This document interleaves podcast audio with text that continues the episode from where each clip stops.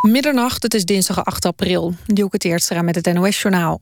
Amerika maakt zich grote zorgen over de ontwikkelingen in het oosten van Oekraïne... waar Russische actievoerders aansluiting eisen bij Moskou.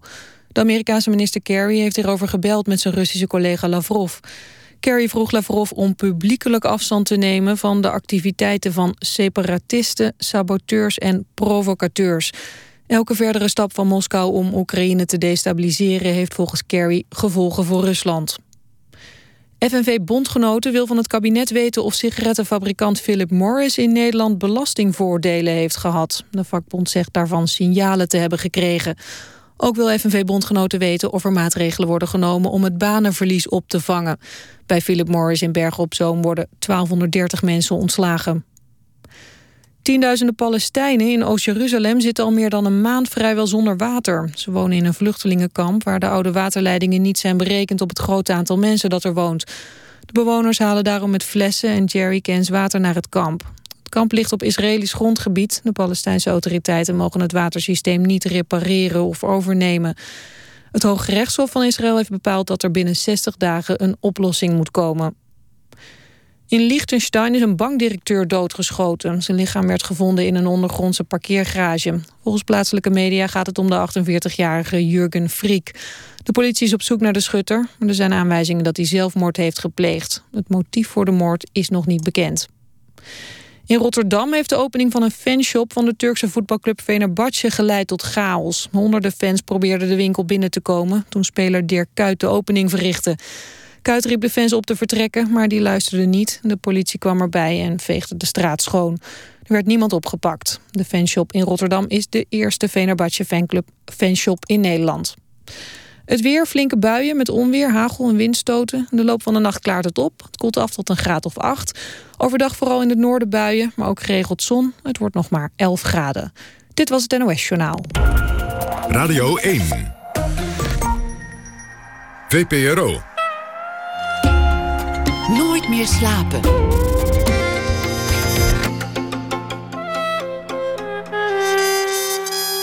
Met Pieter van der Wielen. Goedenacht en welkom bij Nooit meer slapen. Na één uur krijgt u een verhaal van Sanneke van Hassel dat ze speciaal voor ons schrijft. En in dat tweede uur van Nooit meer slapen ook nog kernrampen, manga-strips van het Reven, Romeinse keizers, Albert Camus, noem maar op. Maar we beginnen het eerste uur met Jaap Scholte. Hij is schrijver en journalist. Hij woont al tien jaar in Hongarije, waar hij via zijn liefde terechtkwam in kringen van oude Hongaarse adel. Hij schreef een boek over die kringen, Kameraad Baron getiteld, over hoe het de Hongaarse adel is vergaan na de invoering van het communisme in der tijd. Maar zijn eigen voorouders zijn minstens zo interessant. Horizon City is het de titel van zijn nieuwe boek over die voorouders, Twentse textielaristocraten. Een familie van industriële, oorlogshelden, avonturiers, gegoede kringen. Zoals hij zelf schrijft, gelukkig waren mijn voorouders geen couch potatoes. Hartelijk welkom, uh, Jaap Scholten. Uh, leuk dat je, dat je gekomen bent. Um, de ondertitel, die, de, een fikse ondertitel. Ja. Misschien, misschien kun je die voordragen. Ja, Ik vraag de titel zelden... is Horizon City en de ondertitel is... een onvolledig en historisch niet noodzakelijkerwijs altijd correct portret van een familie... van opgejaagde ministers, grootindustriëlen, kleinwildjagers... landhuizenbouwers, collectioneurs, polygame avonturiers, dromers en dappere vrouwen. Een, een ouderwetse ondertitel, een lange ondertitel, een verklarende ondertitel. Ja, dan weet je meteen, uh, weet je meteen waar, het, uh, waar het over gaat. Het begon allemaal met een, met een koffertje. Je trad op in Enschede in een, in een theater. Ik heb ook meteen een beeld van dat theater. Niet aankomen aan dat beeld, dus klopt vast niet. Maar goed, ik zie het voor me, zo'n zo'n theater. En iemand levert een koffertje af. In de kleedkamer, ja. ja wat voor koffertje was het? Het was dat? een versleten stewardessenkoffertje uit de jaren zeventig. Um, niet zo heel groot. Waar je eigenlijk de spullen voor één, één nacht mee kan nemen. dus als je een vlucht naar Nice doet of zo... dan kan je daar precies je schone kleren voor de volgende dag in hebben. En dat koffertje zat stampvol met uh, ja, spullen van mijn familie. Met, met brieven. Heel veel brieven zaten erin. Oorlogsbrieven, maar ook brieven uit 1860... van over overgrootmoeder. En er zaten ook testamenten in van, van overgrootvaders. En er zaten heel veel uh, glasnegatieven in. Dus eigenlijk de voorlopers van de fotografie of van de papier. maar het, het, het, koffertje zat stampvol. En met ja, fantastisch materiaal over mijn familie. En, um, een opdracht eigenlijk voor een schrijver, zo'n koffertje. Ja, en, en dat had ik niet eens direct. Ehm, want ik was heel hard aan het werk een roman te schrijven. Dus ik heb dat koffertje eigenlijk meteen toen ingekeken. En ook toen ik terugkwam in Budapest heb ik het nog eens een keer allemaal uitgespreid op een tafel en bekeken. En er zaten dus ook hele mooie papieren in met prachtige handschriften en stempels en, en lakstempels nog. Zo. En, maar ik heb, ben niet direct echt ingedoken. Het heeft maanden op mijn. Ik heb in mijn werkkamer twee bureaus. En op dat ene bureau heeft dat koffertje maanden gelegen. Ook gewoon, ik had weer dicht gedaan. Ik had alles erin gestopt en dicht gedaan. En ja, veel de dag dat ik dat koffertje kreeg, dat was 16 november 2013. 2012, 2012. En nou, ik denk dat ik half jaar daarna of zo, ergens begin 2013, werd ik gevraagd uh, door de Twentse Welle, een museum in Twente, of ik een tentoonstelling over mijn familie wilde maken. toen dacht ik, ik heb dat koffertje. En uh, toen zei ik, toen heb ik ja gezegd. En um, dat was eigenlijk de aanleiding. En eigenlijk die twee dingen die samenkwamen. Dat ik, dat ik aan het werk ging. En um, er werd al vrij snel een moment gezet dat die, dat die tentoonstelling geopend zou worden. En, en dat is eigenlijk anders dan hoe een uitgever werkt. Want in Nederland dan zegt de uitgever wel: oké, we gaan dat boek uitgeven in het voorjaar van uh, 2014. Maar dat betekent meestal niet zoveel, want... Dan kon je nog onderuit en dan bel je gewoon... ah, het wordt wat later. Ja, maar die opening die stond vast op uh, 11 nou, eerst op 10 april uh, 2014, nu is hij 11 april 2014, is één dag verschoven. Dus ik heb eigenlijk, ik heb eigenlijk nog nooit zo'n strenge deadline gehad. En uh, ja, ik ben aan het schrijven gegaan. En ook, ook een, een persoonlijke deadline, want je bent van 1963, opgegroeid in de, in de nadagen van de, de Twentse aristocratie. Het, het, was, het was niet meer de, de bloeitijd van de, van de Twentse textielfabrikanten, niet meer de tijd van de aristocratie die je in, in het boek beschrijft. Eigenlijk was het ook voor jou persoonlijk een deadline om in het reinen te komen met het, met het verleden, zou je kunnen zeggen. Ja, nou, zo, zo ervoer ik het niet. Ja, ik zou het trouwens geen aristocratie noemen hoor. De, de Twentse fabrikanten, de industriële. Ik zou dat. Je kan het patriciaat noemen of gewoon fabrikanten.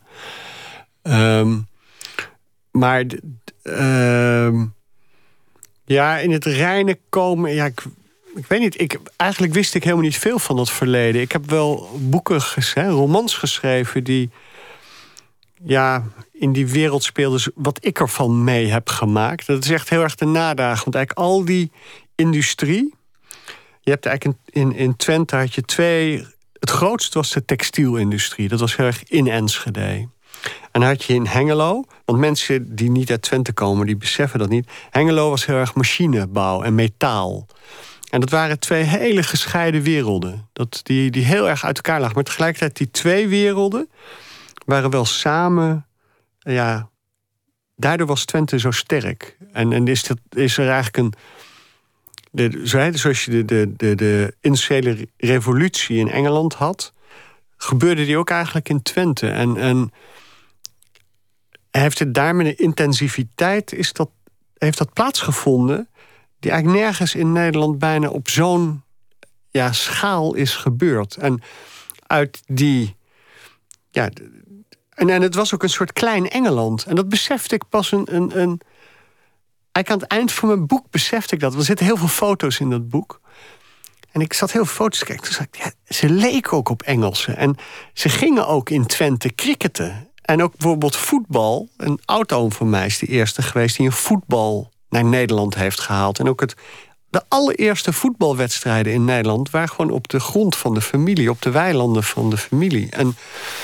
Um, en ze zagen er ook uit als een soort ja, kleine Lord Van Fauntleroy's met, met, met witte truien, met, met een streepje en veehalsen. En, Ik, wil- ik wil straks alles weten over, over de sfeer en, en de tijd. Maar ik ben eerst zo, zo nieuwsgierig wanneer jij er zelf eigenlijk achter kwam dat je uit zo'n familie stamde. Want, want als je kind bent, is, is iedereen gelijk. Arm en rijk of hoog of laag. Dat speelt eigenlijk voor speelkameraadjes in, in onze tijd. En ook in de jaren zeventig speelt dat niet zo heel erg.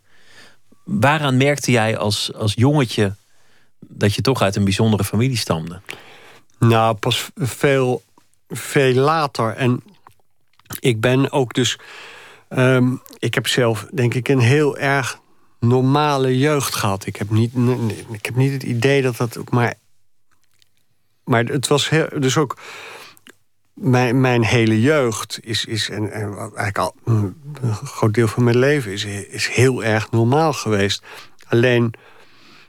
Eh, ik ben opgegroeid met vijf, vijf jongens met mijn moeder. Hè? Eh, want mijn vader en moeder zijn gescheiden. En, en dat is wel ook in dit boek voor mij een soort. Ik heb eigenlijk in dit boek ook mijn vader en moeder weer bij elkaar gebracht. Die twee families heb ik bij elkaar gebracht in dit boek. Maar ehm, dat leven van, van dat gezin van ons met vijf jongens met de moeder. Dat was, dat was niet. ehm, ja, er waren wel opmerkelijke dingen, maar dat was niet zozeer dat dat. eh, Nou, je, je schrijft Eh, ergens maar- dat, je, dat je de adel, dat de adel altijd aan elkaar kan zien wie, de- wie erbij hoort. En, en dat je eigenlijk allerlei manieren hebt die horen, bijvoorbeeld in woordkeus. Waarin je kunt zien van, oh ja, die hoort erbij, ja, maar die voor hoort de duidelijkheid, ik ben niet. ik behoor niet tot die groep. Ik, hoort het, eh, ehm, kom uit, wel, ik kom weliswaar uit een familie van fabrikanten. Maar uit het. ehm, en en eh, dat is natuurlijk een heel eigen milieu. En ehm, ja, dus, dus, dus daar. Wat is de vraag eigenlijk? Want, eh, Nou ja, ter- terugkomend op, op je, je, hebt je, in je eerste boek, of nou niet je eerste boek, maar een van je eerdere boeken, 80, daarin, daarin dat gaat over een jongen. Het gaat niet echt over jouzelf, maar het gaat over een jongen die, die stamt uit eh gegoede Twentse kringen en verzet Ja. zich tegen zijn familie. Ja. En, en die zegt ook ergens letterlijk: Ik kom niet van die familie af. Nu schrijf je een, een boek over, de verleden van je, van je, over het verleden van je familie. Waarin je bijna idolaat bent over al die industriële, eh, die avonturiers. Allemaal toch in een sfeer van: Goh, dat deden ze toch, maar wat gaaf dat ik zulke bijzondere voorouders heb. Ik ben eigenlijk benieuwd hoe die verandering tot stand is gekomen, los van het koffertje. Te beginnen bij de vraag wanneer je realiseerde dat er een verleden was. Nou, maar nee, want dat was inderdaad de vraag die je net stelde. Wanneer ik besefte dat, dat, dat mijn familie, nou, dat het iets bijzonders was. En dat was eigenlijk, denk ik, ja, ik denk in, in mijn, pas in mijn puberteit, eh, gewoon 13, 14. Dat, want het was eigenlijk als ik naar mijn grootouders ging. En het was ook vaak door de ogen van vrienden. Dat ik besefte dat het. Want inderdaad, als kind vind je eigenlijk alles vanzelfsprekend. En, maar als ik bij mijn grootouders kwam. Ja, die woonden buiten op, op een eh, groot huis met een landgoed en, en een jachtopzichter. En eh, waren grote jachtpartijen. En, en daar was een jachthut. En daar zat ik altijd heel veel. Daar ben ik altijd vanaf. Want ik werkte altijd bij de jachtopzichter in het bos. Mijn broers ook. En ook met vrienden. En ik had dus heel veel vrienden van school die dan meegingen in de herfstvakantie. En dan zaten we in die jachthut. En daar, daar, daar verbleven we. En dan werkten we overdag bij de jachtopzichter. En door de ogen van die vrienden besefte ik eigenlijk dat het, dat het anders was dan. dan Dat niet iedereen een jachtopzichter in huis had. Nee, nou Ja. ja, dat, dat, ja, dus dat het anders was. En, ehm, ehm, maar, dus, dus dat anders zijn, dat besefte ik denk ik rond die tijd. Of hè, dat die familie, dat dat, dat dat bijzonder was. Maar ehm, dat verleden, dat is eigenlijk iets wat ik ja, pas, pas heel kort heb eh, geleden heb ontdekt. Of ik heb eigenlijk, eigenlijk vanaf het moment dat ik eh, zelf kinderen kreeg, had ik dat me dat begon te interesseren. Überhaupt, waar kom je vandaan? En, en ehm, daarvoor nee, interesseerde, me dat, ja, interesseerde me dat eigenlijk weinig. Nou, sterker Ja. nog, je, je verzette je er, er tegen. Ja, nou, ik denk dat dat een heel natuurlijk proces is voor ieder mens. Dat je. eh, om je eigen leven te gaan leiden, dat je probeert los te maken. En kijk, die beide families, zowel van mijn moeder als van mijn vader, zijn wel hele sterke families. En um, waar heel erg een soort dynastiedenken in zit. Dus je, dat betekent eigenlijk dat in die families zat ja, voor een eeuw of voor anderhalve eeuw, dat eigenlijk het belang van het individu is altijd ondergeschikt aan het belang van de groep. Dus jij moet altijd als individu moet jij je schikken naar de familie. Want de familie, dat is ook het bedrijf. En, en je mag daarom ook eigenlijk, je moet van een rimpelloze uh, leven leiden, in ieder geval. Mensen, uh, omdat je anders het, het belang van de hele groep uh, in gevaar brengt. En, um, en daar zit wel een soort, dat, dat dynastiedenken, daar zit wel een soort restje sluimert dan na in, in, in, in die families. In de... en, en, als jij dan twintig bent en je gaat studeren en je wordt, lid van, van een studentenvereniging. En je denkt op een gegeven moment, ja, wil ik me stoppen met mijn studie of wil ik dit of wil ik dat? Dan past dat eigenlijk niet in zo'n familietraditie van opoffering. Nee, en ja, ik ben bijvoorbeeld in Delft gaan studeren. Uh, en dat, dat was heel erg de traditie in mijn moeders familie. Want dat Stork, dat is uh, machinebouwers, dus dat waren ingenieurs. Dus ja een, een, B, ja, een studie is dat je naar de Technische Universiteit gaat. Ofwel in Delft, of in Zurich, of in desnoods ergens anders. Maar je, ik zat ook terwijl ik studeerde met twee neven en met mijn oudste broer zat ook nog in Delft. Dus je, we zaten ook met eh, gewoon veel familie daar. En ehm, dat, dat, dat werd eigenlijk stilzwijgend verwacht. En ik, ik heb ook eigenlijk zelf nooit echt. Uh, want toen ik ging studeren, ik, had, ik, hou ontzettend van de natuur. Ik, ik wilde eigenlijk, dacht ik eerst dat ik wilde ik bosbouw gaan studeren. En, uh, maar toen ben ik een dag naar Wageningen gegaan. En toen vond ik daar zo gruwelijk met die flats en alles. dacht ik, nou, hier ga ik niet studeren. En toen ben ik in Delft geweest. dacht ik, nou... Want ik was, ik was goed in uh, exacte vakken. Op school. En uh, toen dacht En ik was wel... Ik, ik, had wel al iets dat ik graag dingen wilde maken. En... en ehm, dus ja, hoe noem je dat? iets creatiefs. dat, ik wilde niet puur werktuigbouwkunde gaan doen of natuurkunde of iets. Dat, en zo goed was ik ook weer niet in die exacte vakken trouwens. Maar, en, en daardoor, maar ik ben eigenlijk heel vanzelfsprekend in Delft gaan studeren. En ik kan het nu niet reconstrueren hoe dat gegaan is. Maar dat is eigenlijk zo naadloos geweest in de familietraditie. Want je schikt je toch naar, naar zo'n familie. Ja, want niemand heeft gezegd dat ik in Delft moest gaan studeren. En het grappige is. Maar je wist dat gewoon. Ja, dat was gewoon logisch. Dat deed je. Ik, ik weet het niet. En, en terwijl ik in Delft uh, studeerde, toen ben ik ook. Ik, ik zat ook, ik was ook bij het koor lid geworden. Toen ben ik op een gegeven moment. Uh, ontstond die, dat idee dat ik schrijver wilde worden. En toen, toen ben ik. En dat, ja, dat klinkt voor andere mensen misschien totaal belachelijk, maar ik ben lid afgeworden van het koor met een gezwollen brief aan de Senaat kon verenigen met dit kuddegedrag na twee jaar. En ik uh, ben toen op een gegeven moment, maar toen had ik al vier jaar gestudeerd hoor, toen, toen ben ik ook uh, gestopt met mijn studie. Terwijl ik, ik had al mijn tentamens gehaald op drie na. En van mijn hele studie. En uh, ja, dus dat waren wel echt stappen om mij los te maken van een uh, soort toekomst die van me verwacht werd. En ik kan me ook heel sterk herinneren dat ik toen. dat ik het meest gruwelijke vond het idee dat je een toekomst tegemoet ging die al vast lag. En dat je dan zou moeten gaan trouwen en kinderen krijgen en een, ja, een solide baan hebben en ziek worden en doodgaan. En, maar nu eigenlijk, ja, 25 jaar later of zo, vind ik dat eigenlijk ook een hysterische gedachte. Dat je. Want bijna al die dingen liggen wel vast. Dat ziek worden en doodgaan. En, je, je verzet je er niet meer tegen. Nee, en ik vind ook nu eigenlijk. Dat hele idee dat jij een, een, een schakel bent in een, in, een, in een ketting, vind ik eigenlijk een heel mooie gedachte. En uh, ook, ook iets... troostrijks hebben. En dan ook, het gaat voorbij jouw eigen.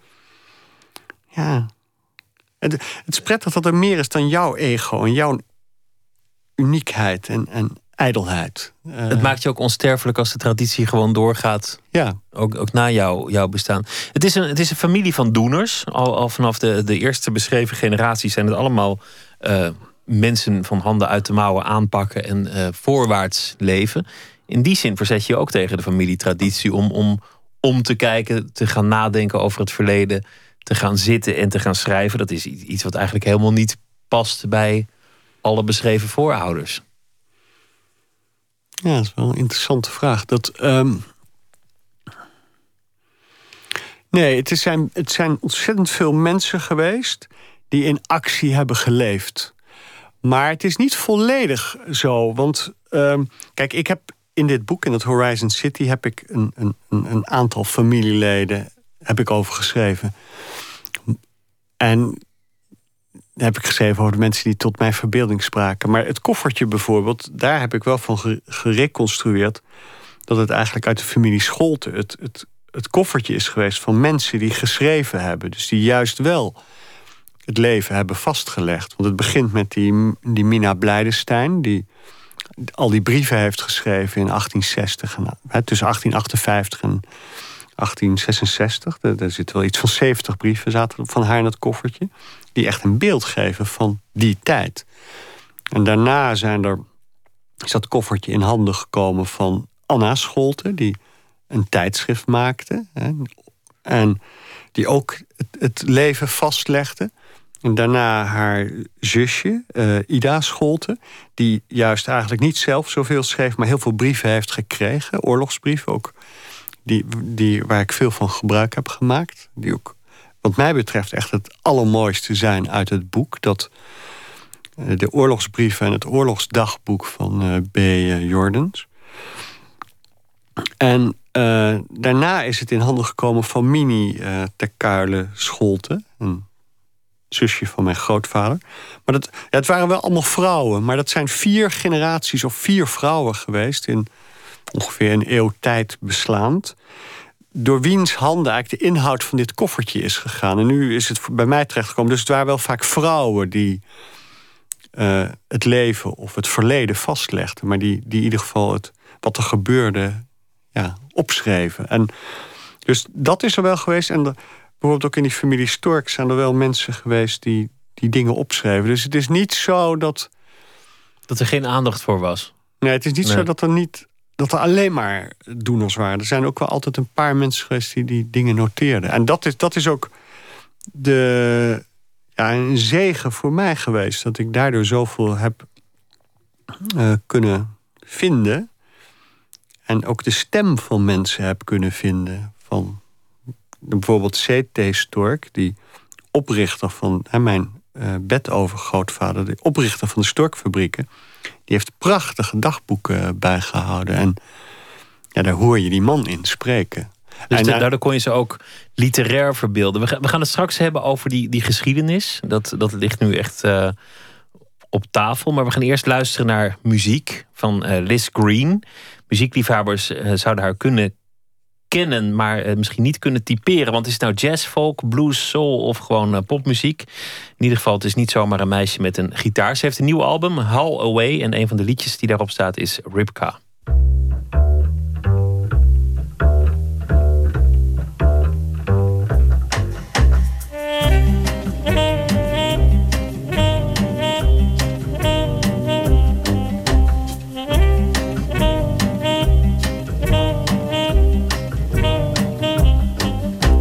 The black look boy with the arc scarred face chimes in the sad hour of the day.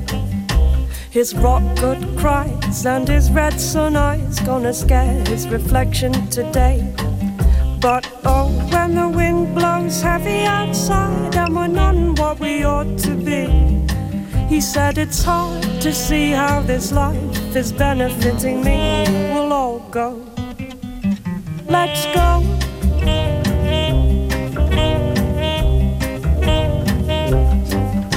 The seeing eyed dog led the tumble down boy along a path he would not forget.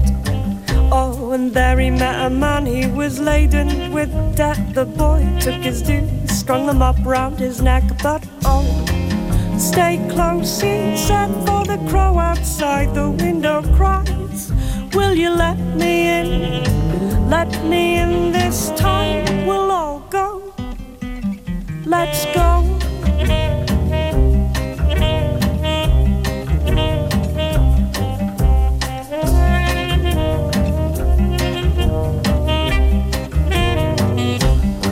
They say, How does he cope with that mask of a man? There on his seat in the dark.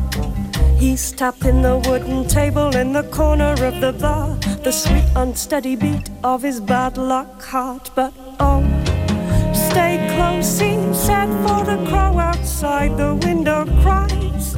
Will you let me in? Let me in this time. With the wind, we'll go with the wind, we'll go where the time is right. Or we'll go with the wind, we'll go with the wind, we'll go where the time is right. Will you go with the wind? Will you go with the wind? Will you go where the time is right? And will you let me in? Will you ever let me in? Will you let me in this? This time?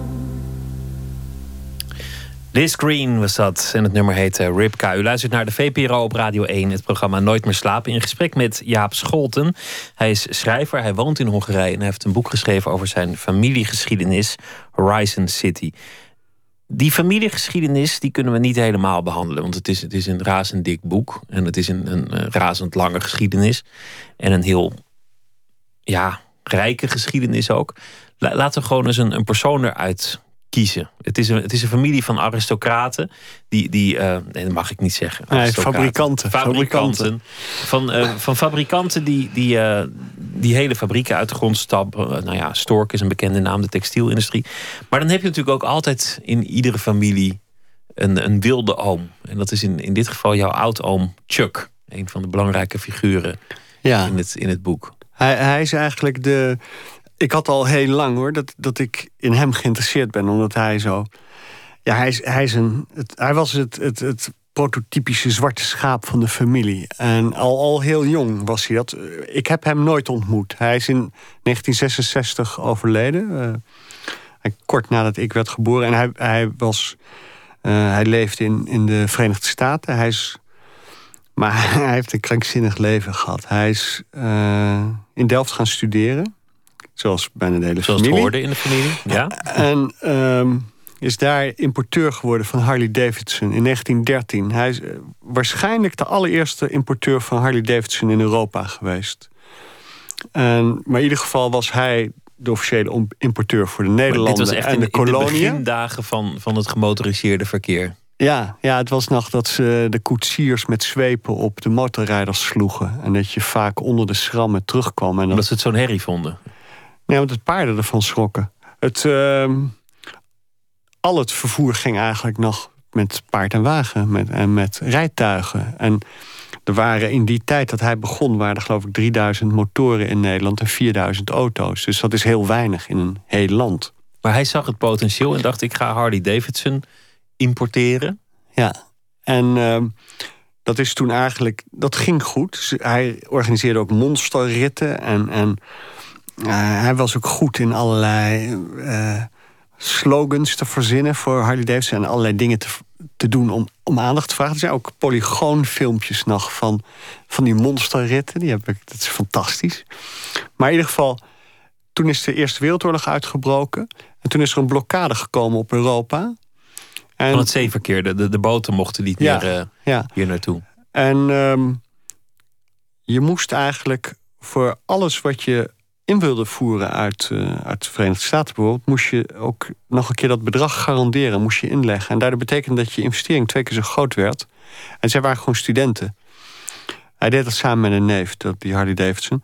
En dat konden ze niet. Dat, dus die Eerste Wereldoorlog heeft het de nek omgedaan. Toen hebben ze dat verkocht.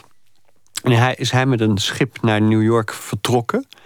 De Noordam, die is toen drie maanden later op een mijn gevaren. Maar hij heeft nog New York bereikt.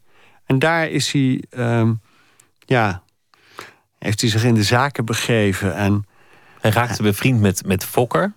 onder andere. met, hij... met Anthony Fokker heeft hij samen de QED, Quad Erat Demonstrandum, gebouwd. Dat was, maar dat was wel veel later. Dat was in de jaren 30. Hij is in 1917 naar New York gekomen. Maar hij is bij herhaling ja, puissant rijk geworden. En vervolgens weer failliet. En daarna weer uh, ging het weer heel voor, voor de wind. Hij is, op, hij is een pionier in de vliegtuigindustrie geworden. Hij had een, uh, een vliegtuigwinkel op uh, Broadway. Hij had ook een, op een gegeven moment had hij een enorm groot schip met vijf man bemanning. Wat verdwenen is in de oceaan. Hij, hij is groter dan, dan het leven. En hij is zijn grootvader, mijn bedovergrootvader de oprichter van de Storkfabrieken, die had als uh, ja, levenswijsheid of richtlijn... was een, een, een strofe uit een gedicht van Schiller. En dat was, uh, man moest, de regels waar het leven naar leidde... was, man moest hinaus in feindliche leven. Dus de man moet het leven in, de wereld in. En, uh, en dat heeft Chuck heel erg te harte genomen. Hij is uh, vijf keer getrouwd. De eerste keer met een Duitse, toen met een Poolse, toen met een Canadese, toen met een Hongaarse, waarschijnlijk uh, uh, of de Miss Hungary was het. En daarna met een Mexicaanse. Dus hij is vijf keer getrouwd met vijf verschillende nationaliteiten. Die steeds weer miljonair geworden, steeds weer failliet gegaan, uh, getrouwd, gescheiden. Een, een, man van vallen en opstaan, uh, zou, je, zou je kunnen zeggen? Ja, nou, een man die. En hij is geëindigd als, als straatarm. Terwijl hij accu-vloeistof verkocht. En daar had hij ook een truc voor, want hij had nog wel een auto. Hij leefde in de woestijn en hij leefde soms net in Mexico en dan weer in, in, uh, net over de grens in Texas, aan de andere kant, maar wel tegen de grens van Mexico aan. En hij, hij was op het laatst burgemeester van Horizon City. Dat was ook bekend bij de familie. Uh, niet was bekend bij de familie dat hij, hij met zijn 28 jaar jongere, ontzettend mooie Mexicaanse vrouw en zoon die hij geadopteerd had. Zij waren ook de enige inwoners van, van Horizon City. Dus dat burgemeesterschap had iets relatiefs. Um, dat was ook onbezoldigd. En hij verkocht zijn accuvloeistof door als hij... ze moesten een half uur of veertig minuten rijden... om boodschappen te doen ergens. En dan liet hij zijn lichten aan. En dan kwam er altijd wel iemand naar hem toe die zei... meneer, u hebt uw licht nog aan laten staan. En dan sloeg hij toe. En dan zei hij, oh, maar maakt niet uit... want ik heb accuvloeistof. Ik heb accu die nooit leeg raakt. Wil je dat ook niet? En, en dan verkocht hij zijn accuvloeistof. Maar dat was dus zo is hij geëindigd. En ehm, hij leefde op het laatst op soep en crackers. Dat was wat, wat zijn eten was. Waarom heeft hij nooit aangeklopt bij, bij die familie? Op, op geen enkel moment. Als, als die failliet was. Ik bedoel, het was makkelijk geweest, denk ik, in zo'n familie van grote Twentse industriëlen. om, om naar Europa een brief te sturen en zeggen: Ik zit een lager wal, help me even. Ik begrijp dat ook niet. Dat is voor mij een raadsel. Ik weet niet. Ik, dat, dat is want zijn, ehm, ja, hoe, hoe, hij precies is geëindigd. Uh, hè, dat is.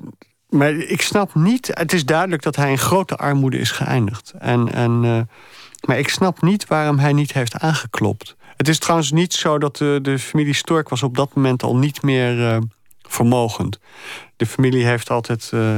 ja, dus er was niet veel geld meer in de familie hoor. Maar. Um, wel genoeg om te zorgen dat hij nog een, ja, een waardig leven zou kunnen leiden. En... Misschien was hij trots, misschien uh, verzette hij zich tegen die familietraditie, zoals jij dat als jonge man ook deed. Ja, ik weet het niet. Ik snap het niet. Ik, uh, er zit ja. toch een episode in het leven van Chuck dat, dat ik niet helemaal begreep, of in ieder geval heel raar vond. In de tijd dat hij in New York woont, zit er om de hoek van zijn bedrijf een befaamde nachtclub die de naam Stork draagt. De Stork Club. Ja. Voor zover wij weten heeft dat niets met de familie Stork te maken.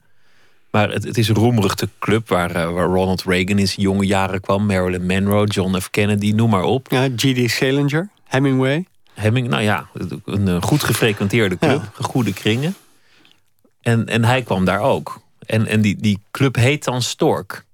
Ja, de Storkclub. Het is, een, het is, het is, de, het is ongeveer de, de mooiste nachtclub die er ooit geweest is. Het was opgericht door een oud smokkelaar, dranksmokkelaar. En die is wel gevraagd hoe. Want om de hoek zat het kantoor van Chuck Stork. En ietsje verderop zat de vliegtuigwinkel. Want hij had dus op Broadway een vliegtuigwinkel. Ook, die ook Stork heette. En die eigenaar van de Storkclub is ooit gevraagd... hoe ben je op, op de naam gekomen? Toen zei hij, oh, dat weet ik niet, geen idee. Dus soort het... Het is heel wel mogelijk dat hij het gewoon gepikt heeft van... Dat in zijn hoofd zat en dacht, dat, dat klinkt, ja, dat maar klinkt geen mooi. zin had om daar uh, copyrights op te betalen. Zoals jij erover vertelt, en je, je noemt ook dat, dat Duitse motto van hoe je het leven moet leven. Zie jij in het leven van, van de, het zwarte schaap van de familie Oom Chuck ook wel een soort handleiding van ja, zo, zo moet je het leven toch wel leiden. Dit is toch wel een soort ideaal van hoe je aan het eind van je leven, aan het eind van je dagen geleefd wil Voor mezelf bedoel je, of voor ieder Ja. mens? Nou ja, misschien laten we beginnen met jezelf en dan de mensheid. Nee, ik ben veel voorzichtiger. Ik, ehm, ik ben een voorzichtige avonturier. Dus ik. Chuck heeft wel iets roekzichtloos, rukzichtloos gehad. En, en dat is ook wat mijn oma nog vertelde, Stork. Want Chuck is nog een paar keer naar Nederland teruggekomen. Drie keer in, in totaal. Nadat hij in 1917 is vertrokken. Hij is in 1928 nog teruggekomen, 1930 en 1934. En vooral het bezoek in 1930 is een. Dat heeft eigenlijk zijn imago in de familie eh, bepaald. Want hij kwam terug met de Statendam uit eh, New York. Met zijn tweede vrouw, Ivy. Die een, uh, een slangenleren jas aan had. En slangenleren schoenen die pasten bij die jas. En een hele enorme Newfoundlander, zo'n grote hond aan haar zijde. En ze hadden in het ruim van de Statendam een Cadillac meegenomen en een vliegtuig. Waar de vleugels vanaf gemonteerd waren, die op, in de Waalhaven in Rotterdam er weer aangemonteerd moesten worden. Maar tegelijkertijd in Nederland was het crisis. En ook bij de, bij de storkfabrieken. Mijn overgrootouders, de ouders van Chuck, die um, waren in een bescheidener huis gaan wonen. Omdat om solidair met de arbeiders te zijn. En ook om het goede voorbeeld te geven dat alles wat minder moest. Maar daar kwam Chuck dus aan met zijn ja, vrouw in het slangenleer gehuld. Met een Newfoundlander en een vliegtuig en een Cadillac. En daar zijn ook foto's, er zijn zelfs filmpjes van. Uh, van dat vliegen met, met Ivy. En Ivy die had de brutaliteit om haar, om haar sigaretten uit te drukken in de eierdooiers bij mijn overgrootmoeder. Bij het ontbijt. Dus het. Um, het, het waren.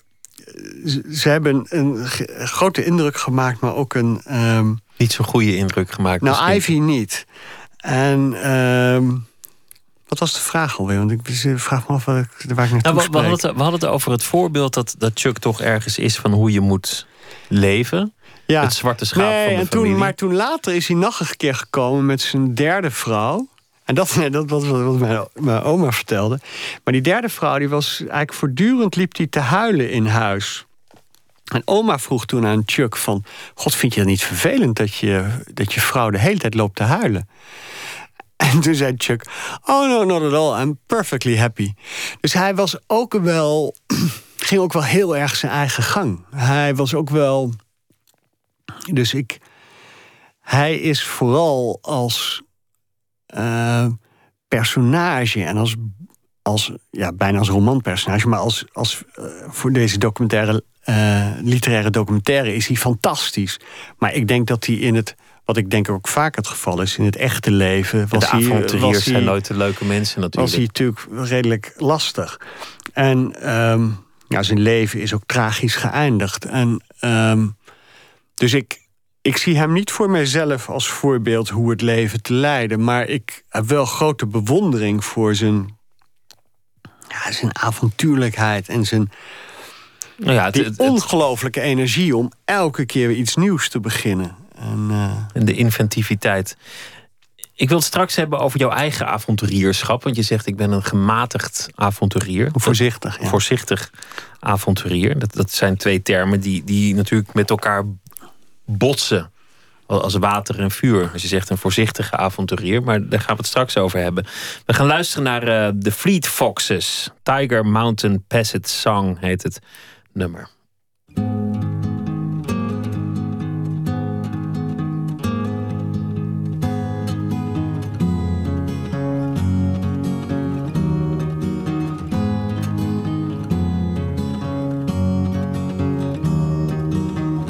Wanderers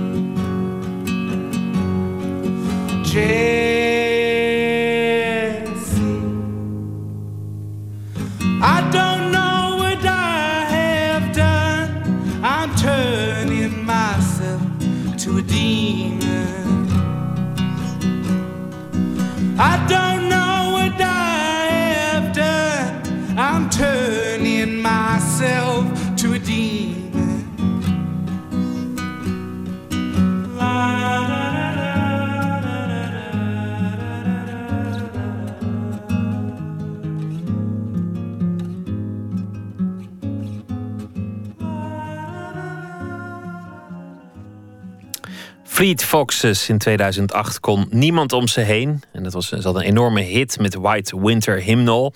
En uh, inmiddels zijn ze een van de grootste folkbands van de laatste jaren. En het nummer heette Tiger Mountain Peasant Song. U luistert naar Nooit meer slapen van de VPRO. In gesprek met Jaap Scholten. Hij is uh, schrijver, woont in Hongarije. Schreef een boek over zijn familiegeschiedenis. Horizon City.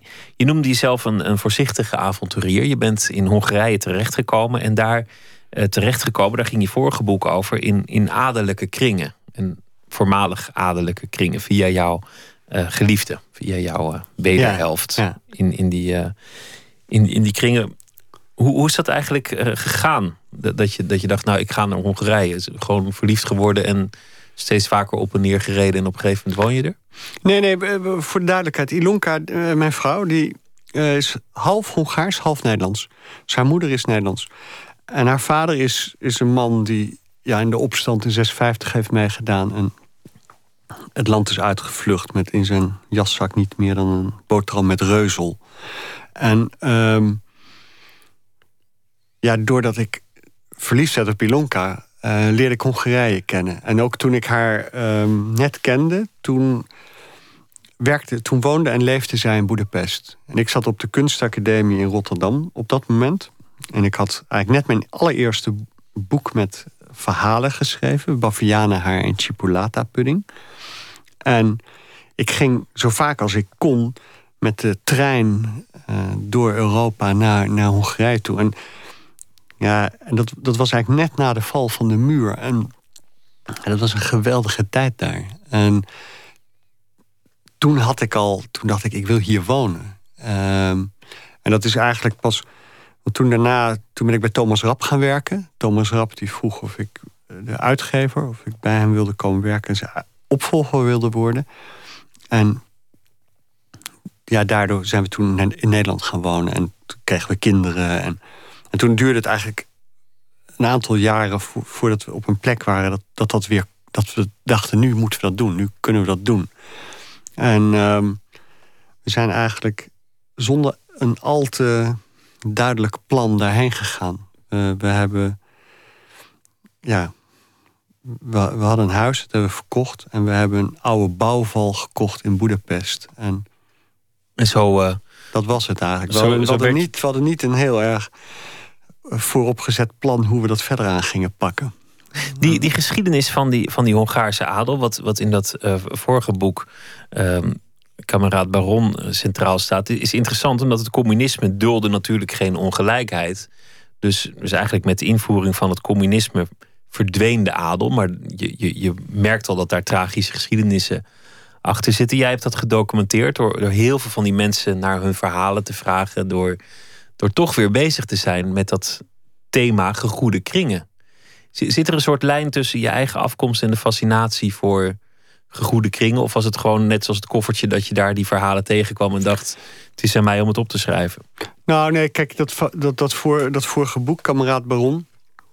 Ik denk dat de, de drijfveer daarvan heel simpel was. Ik wilde gewoon die wereld begrijpen waar, waar Ilonka half uit uh, kwam. En dat heb ik gedaan door dat boek te maken en mensen te interviewen. En en plus dat ik het al heel gauw door had dat het geweldige verhalen waren. En ik, ik hou van mooie verhalen. Dus ik had, ik had snel. Ik had al heel snel door. Omdat het een heel extreem verhaal is. Omdat Hongarije, zoals een aantal landen daar, die eigenlijk landbouwlanden zijn, waren tot heel lang feodaal of semi-feodaal. Veel langer dan landen die aan zee liggen omdat daar gehandeld werd en de in, echt industrie groot was. Die landen waren nog steeds erg afhankelijk van de landbouw. Dus dat, daardoor was het landbezit heel bepalend. En, um, maar al direct toen ik na de val van de muur daar kwam, toen hoorde ik al de meest fantastische verhalen. Dus ik dacht al direct, iemand zou dat moeten opschrijven. Maar ik zag dat niemand dat deed. En ik had uh, met mijn eigen boeken, met, met mijn eerste roman 80, die in het milieu van die Twentse fabrikanten speelde, had ik ja, veel gedoe gehad. Daar waren, waar heel veel mensen vonden dat ik dat absoluut niet kon. Dus ik, ik heb. Mijn grootmoeder heb ik anderhalf jaar niet gezien, omdat ze mij niet meer wilde zien. En um, er waren mensen die dreigden met rechtszaken en die boekhandels wilden boycotten. En dus dat, dat, dat riep heel. Dus ik had, ik had, omdat ik al met mijn eigen familie zo gedoe had over een boek, dacht ik, ik ga dat niet met mijn schoonfamilie doen. Dus ik, ik heb heel lang, uh, dacht ik, ik wil, ga absoluut niet over die, die Hongaarse adel schrijven. Dat, dat, dat, want ik dacht, dat is veel te gevoelig allemaal. Maar goed, het is in het Nederlands en, en dat, dat verstaan ze niet. Nee, maar plus toen, toen, wat er gebeurde was dat de, de, de grootmoeder van Ilonka stierf... en een oud-tante, Gogoneni, waar ik heel erg dol op was... dat ik heel goed mee op kon schieten. En toen dacht ik, ja, met al die mensen die sterven... vallen ja, gewoon een archief aan verhalen weg. En ik dacht, ja, dit is een groep die heeft nog gewoon die tijd van voor het communisme meegemaakt.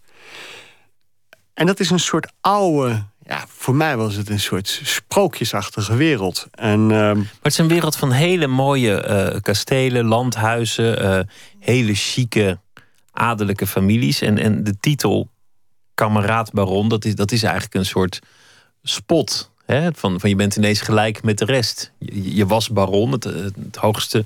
Nou, je nee, die zijn. titel is, kan ook uit voort dat. Uh, het communisme had als eh, streven dat iedereen gelijk was. En het communisme. Want jij zei, communisten dulden geen uh, ongelijkheid. Maar het communisme heeft in theorie. in theorie. communisme heeft een gigantische ongelijkheid in stand gehouden. Ik denk ook het bewind wat je nu nog in heel veel landen daar ziet, is nog steeds heel feodaal. Het, uh, dus de ontwikkeling die, die, die, die West-Europa heeft gemaakt, die is daar nooit geweest. Want het, je had ook tijdens het communisme, dat werden de rode baronnen genoemd, die, die hebben eigenlijk gewoon gekopieerd, uh, maar zonder de aardigheid en zonder de, de goede smaak en de charme en de, de humane kanten, hebben die gewoon het, het bewind van de, van de de baronnen en de graven die, daarvoor gewoon... de, van de landheren vervolgd. Nu ik, dachten ze. Ja, net zo heel vaak op plekken waar de kolonialen zijn weggegaan, is dat overgenomen door lokale leiders. Die hebben dat, dat koloniale bewind gekopieerd, maar vaak zonder de, de charme ervan. En, en, maar verder ging natuurlijk, gaat alles over macht. En uh, alleen soms zitten daar nog charmante kanten bij. Maar die ontbraken volledig, mijn, mijn inziens, bij dat communisme.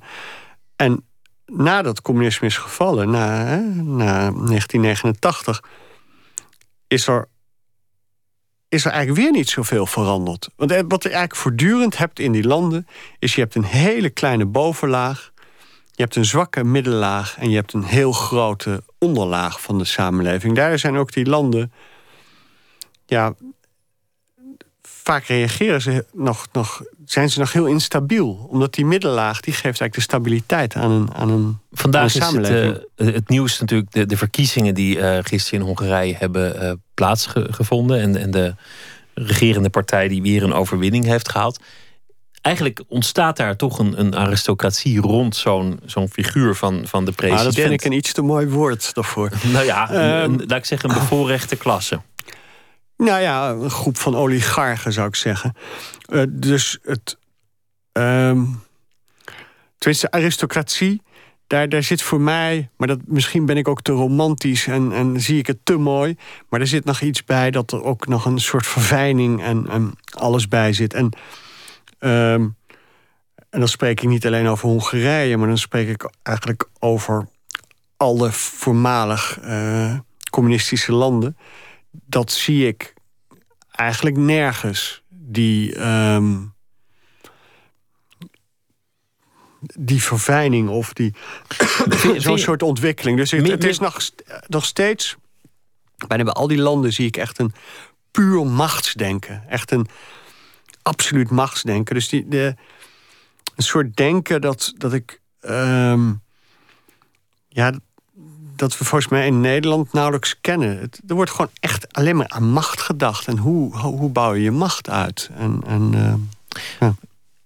Los van Hongarije, mis jij aristocratie? Want, want je hebt nu uh, geschreven in dit boek over de geschiedenis. In andere boeken komt het eigenlijk ook langs. Ik heb je wel eens uh, in, in een programma de jacht horen verdedigen als een, als een mooie traditie. Ik zeg het een beetje ongenuanceerd, maar dat eigenlijk zei van ja, nou ja, dat was ook wel iets voor te zeggen. Vind, vind je het eigenlijk diep in je hart jammer dat er geen aristocratie meer is voor de samenleving? Nou, kijk, ik denk dat, dat ieder land, hoe je het ook bekijkt, heeft een elite. Dus, um, want kijk, ik, ik besef ook wel dat, dat ik soms misschien. Uh, dat ik het te mooi. Dat ik te romantisch naar die aristocratie kijk. Want dat is natuurlijk ook niet allemaal prachtig geweest. Omdat ik denk dat altijd macht. Degene die de macht heeft, het is natuurlijk altijd lastig. Net, ik bedoel, Obama, die we allemaal hebben... We waren allemaal reuze blij toen hij president werd. Maar je ziet zo'n man, die moet ook eigenlijk alleen maar keuzes maken... tussen iets heel vervelends of iets nog veel vervelenders. Weet je, als jij de macht hebt, zijn heel veel van de dingen... die je moet besluiten, zijn heel onprettig. Dat zei de oude adel ook altijd. Hè? Laat, laat ze blij zijn dat wij het voor ze doen. En, en dus de... Maar wat ik zie ik, nou ja, het, het is absoluut een thema voor mij. Hoe, welke, welke elite moet een land hebben? Welke uh, leiding moet een land hebben? En, en ik ben wel, um, wat dat betreft, denk ik, uh, onmodieus. Dat ik denk dat. Kijk, het, we zijn, wij komen natuurlijk uit een democratische uh, lange traditie. En ik, ik vind ook dat het gaat altijd om de kwaliteiten die een mens heeft. Ehm, maar ik denk dat er ook, en dat, dat vind ik mooi aan die aristocratie, dat er een. Die hadden wel een heel erg lange termijnsdenken. Omdat, dat zit heel erg in het boek Kameraad Baron. Die zaten wel al 800 jaar in een dorp. En waren al 800 jaar de, de grote landbezitters daar. En dan, het is een hele andere manier van denken. En ik denk dat een van de grote problemen van de wereld waar we nu in leven, is ehm, dat die wordt beheerst door korte termijnsdenken. Want elke, elke industrie die natuurlijk een, vooral grote bedrijven hebben een grote macht. Daar zitten bijna alleen maar mensen die kijken naar hun bonussen, die kijken naar hun kwartaalcijfers. Nou, als je kijkt naar politici, die moeten elke keer gekozen worden. Ik moet zeggen ehm, dat ik bijna. Als ik gewoon bijvoorbeeld Nederlandse politici, dat ik dan Viktor Orbán eigenlijk bijna wel bijna ga waarderen.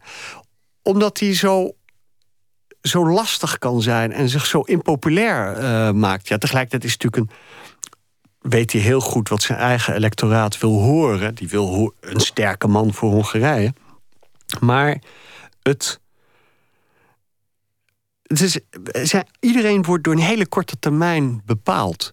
En dat is denk ik een groot verlies van de aristocratie. En, maar, waarom ben je dan, dan zo'n Viktor Orban gaan waarderen? Want, want zo'n goede pers krijgt hij toch meestal niet? Nee, hij krijgt een hele slechte pers.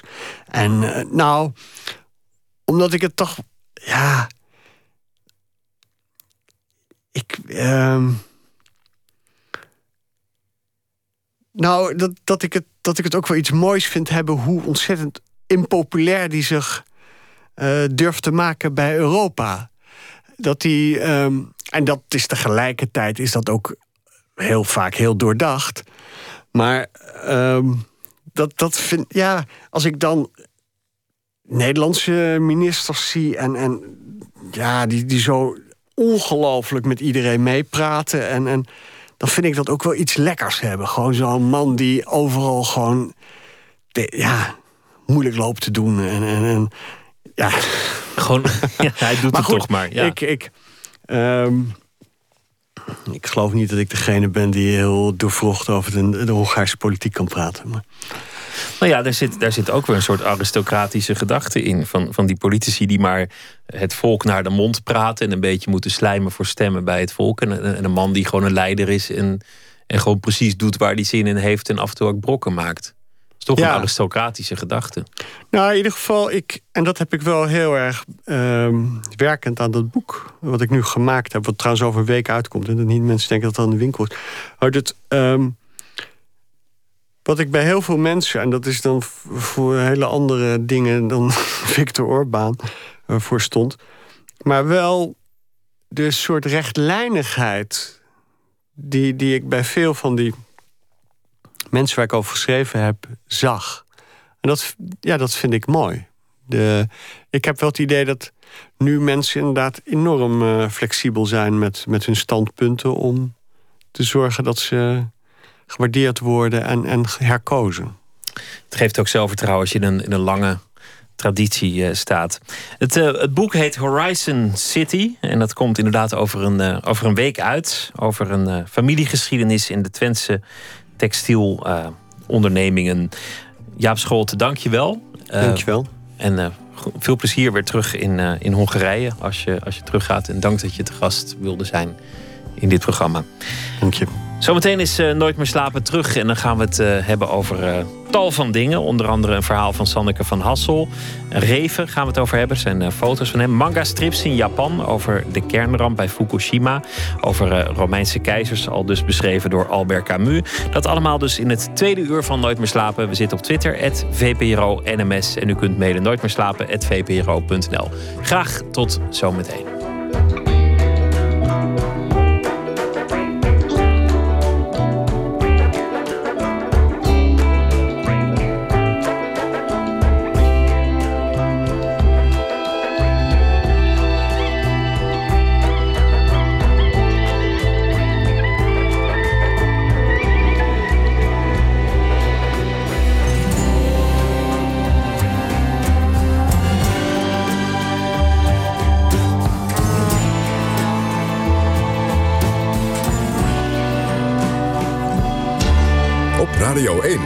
Nieuws van alle kanten.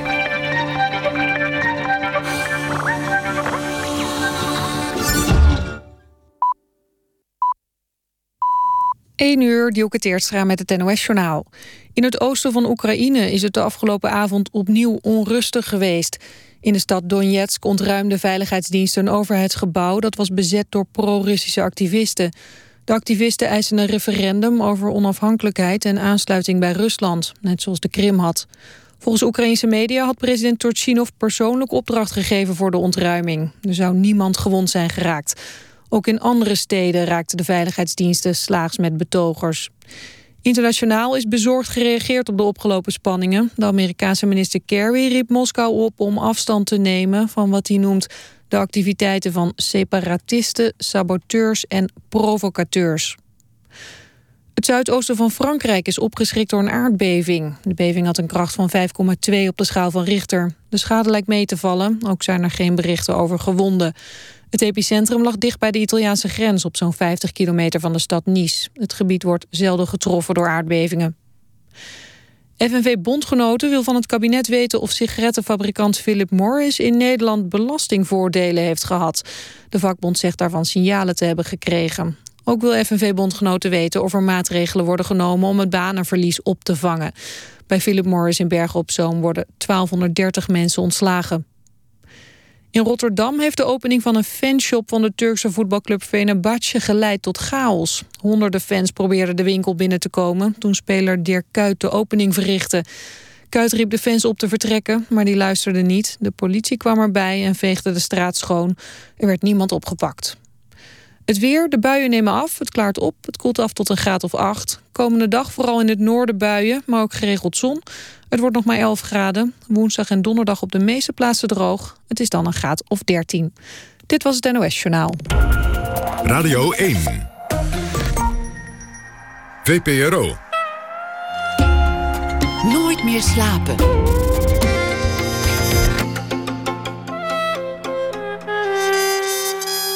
Met Pieter van der Wielen. Goedenacht en welkom terug bij Nooit meer slapen. We beginnen het tweede uur als gebruikelijk met een schrijver die reageert op iets dat er in de wereld gebeurt met een fictief verhaal. Deze week is dat schrijfster Sanneke van Hassel. Zij zal elke dag voor ons een verhaal schrijven deze week. Zij is bekend vanwege haar korte verhalen. De koningin van het korte verhaal, ze zelf zo dus genoemd. Drie bundels heeft ze ermee eh, volgekregen: IJsregen, Witte Veder en Ezels. En ze stelde ook nog een bloemlezing samen naar de stad met hedendaagse korte verhalen vanuit de hele wereld. En ze organiseert ook nog avonden rondom het korte verhaal. Goeienacht, uh, Sanneke. Goeienacht, Pieter. Ja, de koningin van het, nou ja, mocht je gezegd worden, de koningin van het korte verhaal. Ja, dat is wel, ja. wel verwachtingen. Elke dag uh, eentje, dat, uh, ja, daar moet je wel een koningin voor zijn, want dat schijnt nog best ingewikkeld te zijn heb ik van je voorgangers uh, begrepen. Leuk dat je het wil doen. Wat heeft je vandaag bezig gehouden? Um, ja, eigenlijk zo'n zo'n soort beetje banaal deeltje. Over een, maar ja, ik zag er gewoon meteen iets bij voor me. En het bleef me ook wel de hele tijd. Ja, het drong zich de hele tijd weer op als ik probeerde me in interessantere dingen te verdiepen. En dat was dan een slang die zich verstopt had in een Leidse badkamer. En die dus daar, op een gegeven moment heeft die man dus de politie gebeld. Uh, omdat die slang toch al heel hard naar hem begon te sissen. En toen is de dierenambulance gekomen om de slang af te voeren. Maar ook wel een soort, zo'n ieders nachtmerrie. Kinderen die zijn wat bang voor krokodillen onder hun bed. Of spinnen willen ook nog wel eens wat uh, angst aanjagen. En zo'n slang, dat is ook waar ik zelf echt niet aan moet denken. Dus dan kun je de slang in ons hoofd waar we allemaal bang voor zijn of zo. Ik dacht ook steeds, ja misschien... Eh, heb je, nou ja, ik heb dus iets bedacht wat er misschien aan de hand was. Ik ga wel denken, want, het toch, want die man zei dat die, die slang was er opeens. Dat vond ik een beetje een raar verhaal. Dat, dat, ik, heb het, uh, ik heb het gelezen. Het is, ja. uh, nou, draag je verhaal voor, dan hebben we het er straks over. Ja, dit weekend. Vorige zomer, toen het snikheet was... en ik soms wel twee keer per dag ging douchen... lag jij ineens in de badkamer. Het was rond drie uur s'nachts. Ik deed het licht aan. Je had je lange lijf om de toiletpot geslagen. Later zou je je vaak langs de rand van de douchebak uitstrekken. Je wentelen in de druppels die daarachter bleven.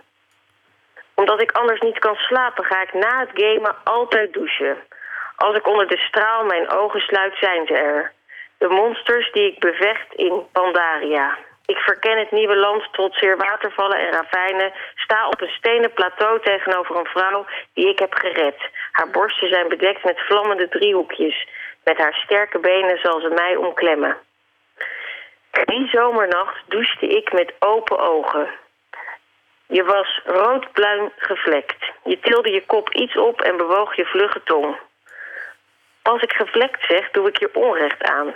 Zo elegant was de tekening op je schubben. Ik heb een handdoek omgeknoopt en ben naar de keuken gelopen. In de koelkast lagen alleen nog twee plakjes kipfilet. Koude kipfilet, dat gaf ik je. Even draaide je om het plakje heen, maar al snel had je door dat er vandaag niets te wurgen viel. In enkele seconden verslond je het vlees. Zo leefden wij acht maanden samen. Tot afgelopen weekend. Al een paar dagen lag je suf op de vloer en toen ik de badkamer binnenkwam met een pakje boterhamworst, reageerde je niet op mijn komst. Slangen hebben harde, donkere ogen die ze nooit sluiten. Ik ging op de bril zitten en hield je wat worst voor. Jij richtte je op en slingerde je om mijn been. Met tranen in mijn ogen sprong ik op. Niet omdat ik pijn had, omdat ik door jou gebeten was, maar omdat ik me niet laat bijten. Godverdomme, riep ik en schudde je van mij af zodat je prachtige lijf tegen de grond kwakte. Ik heb de deur dicht gedaan. Ik laat niet met me sollen. De wereld is geen veilige plek en als jij mijn vriend wilt zijn, moet je me geen streken leveren. Geen streken, hoor je? In de keuken heb ik een kop koffie gezet en toen ben ik aan tafel gaan zitten tot het licht werd. De volgende ochtend belde ik de politie om te zeggen dat er een slang in mijn badkamer ligt. Ja, beest. Ik had geen keus. Ik belde de politie. Er was onderbezetting en het duurde nog tot zondagmiddag voor ze je kwamen ophalen. Hoe was je weekend? vroegen ze vanochtend op mijn werk. Ik heb niks verteld. Ik vulde mijn mok met koffie en ging achter mijn computer zitten. Vannacht haal ik level 90. Dat was het. Ja, het is toch een groter plot dan het, uh, dan het deed voorkomen. Het mooie aan zo'n slang is natuurlijk, dat is, dat is de ultieme kans om, om je mannelijkheid uh, te bewijzen. Dus, oh, uh, liefje, ik, ik ga die slang wel even pakken. Dat, dat zie je in films vaak. Maar dan spelen ze in het zuiden van de VS, waar, waar inderdaad veel slangen voorkomen. Ja. Ik vind ook wel, wat, wat mij boeide toen ik het bericht las, is dat, dat je heel vaak dat soort berichten leest en dat het heel vaak onzin is.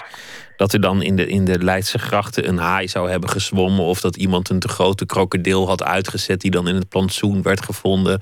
Of, of dat mensen maanden zoeken naar een, naar een gifslang ergens in Noord-Holland die er helemaal niet blijkt te zijn. Of een, of een wolf op de Veluwe.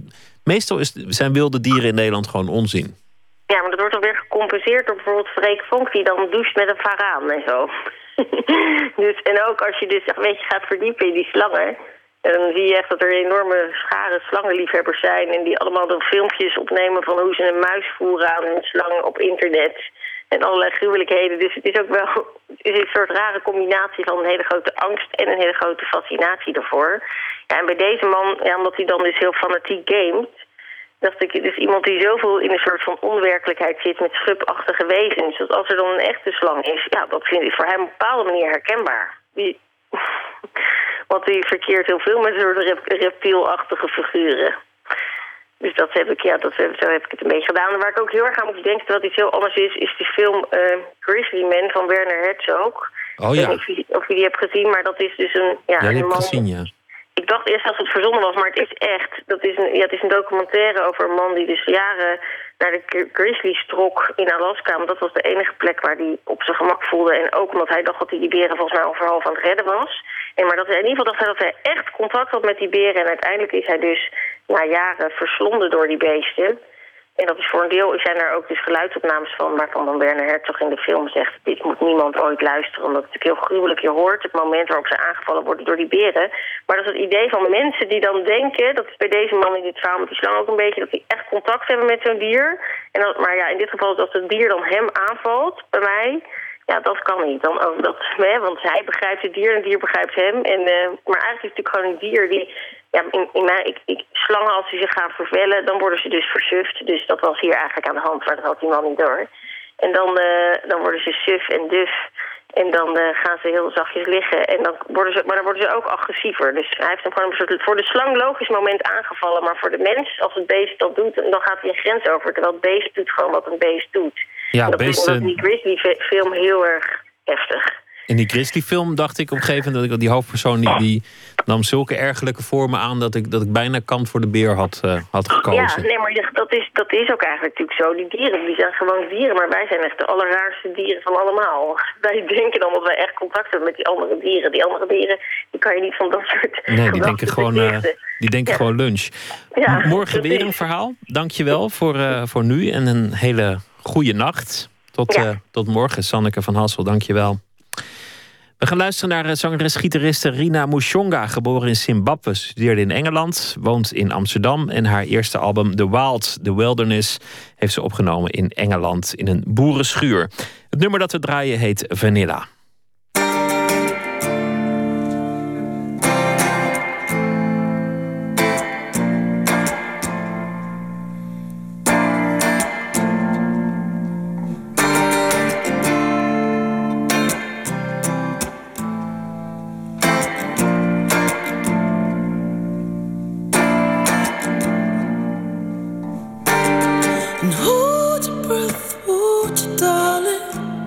Is there still time for us? It's out there, baby. So dig deep and pray for us. Cause we move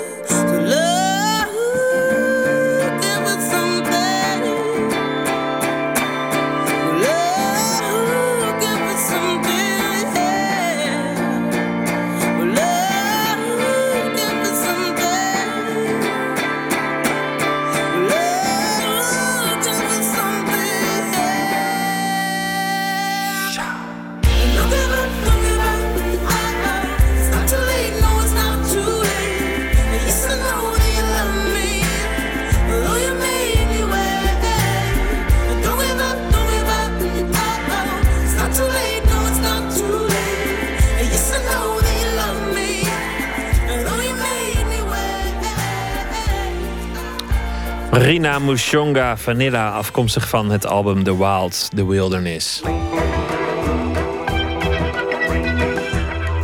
We naar de VPRO Nooit meer slapen. Komende vrijdag opent het Rijksmuseum een kleine presentatie van portretfoto's van Gerard Reven. Kunsthistoricus Hinde Haast schreef een boekje over de vele foto's die er van Reven zijn gemaakt. Onze verslaggever Gijsbert van der Wal sprak met haar in dat Rijksmuseum. Hij ging ook langs bij fotograaf Eddie Postuma, de boer die Reven door de decennia heen regelmatig mocht, mocht portretteren.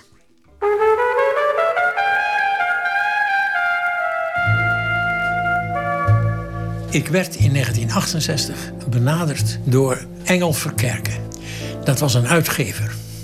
Die was vroeger redacteur van de Waarheid, maar dat heeft hij achter zich gelaten. En toen is hij een handel begonnen in posters. Dat was een zeer succesvol bedrijf. Maar toen wilde hij ook posters hebben van schrijvers. En toen heeft hij mij benaderd of ik een aantal portretten wilde maken van Nederlandse schrijvers. Gerard Reven, Jan Wolkers, Harry Mulisch. En ook nog wilde hij een poster gemaakt hebben van Boudewijn de Groot. Nou, die, die vier mannen heb ik gefotografeerd. En, maar de allereerste was eh, Gerard Reven. En ze, ze, ze hebben allemaal... Kende jij hem al, eh, Reven? Nee, nog niet. Nog niet Dus dat was ook meteen jouw eerste kennismaking met ja, Gerard Reven? Ja, toen ben ik naar Friesland gegaan, naar Greontwerp, naar Huis het Gras. Hij had daar een tafel neergezet en er stond een piano achter. Allerlei eh, eh, spiegels en boeketten aan de muur. Het is een, een heel prachtig romantische inrichting eigenlijk... met allemaal paraphernalia van wat te maken had met, eh, met boeken... en vooral ook met drank. De glazen en de flessen hadden, nou, die stonden paraat op de tafel. Ja, en er is ook eentje, één wijnglas is omgevallen... maar het is natuurlijk allemaal geregisseerd, hè? Dat is geregisseerd. Ja. We, hebben toen zorgvuldig een opstelling gemaakt. Ja, je, van- je, zegt, al- je zegt we, maar wiens idee was dat? Eh, mijn idee, maar dat heeft Gerard ook goed opgepakt. Ja, hij, maar hij wilde mee. ook graag alles erop hebben. En hij wilde ook met de ganzenveer in zijn hand... en met een blank papier waarop hij dan... eh, God is de liefde schreef. Dus dat is, helemaal tot in detail compleet. Uiteindelijk is die opstelling, zoals die op die poster te zien is... heel zorgvuldig gemaakt en goed uitgelicht. Zijn houding is ook bestudeerd. Ik heb verschillende houdingen hebben we geprobeerd. Eén met het hand onder het hoofd. Eén met eh, de hand weer liggend op het bureau. En eh, dan heb ik een filmpje volgeschoten. En deze is dan geselecteerd. En hier zit hij een beetje zo be- bedachtzaam met twee vingers aan zijn slaap. Ja, ja, ja. Het is eh, heel- zorgvuldig en beheerst is het geregisseerd. Ja. En het was een groot succes. Het was een vrij grote poster, 70 bij 90 geloof ik. En een- 70 bij 100, ja, een meter hoog. Het is een collectors item geworden, dat ding. Er staan een hele hoop flessen en glazen wijn. Crucifixen, kerstboompjes, lichtjes, hondjes, porseleinen. Nou, van alles en nog wat. Een beertje in een kooi. Deze jonge vrouw heeft een naam als een romanpersonage. Ze heet Hinde Haast. En ze is projectmedewerker op de fotografieafdeling van het Rijksmuseum in Amsterdam. Het Rijksmuseum heeft een beurs voor jonge onderzoekers. Dat wordt eh, betaald uit het Manfred en Hanna Heiting Fonds.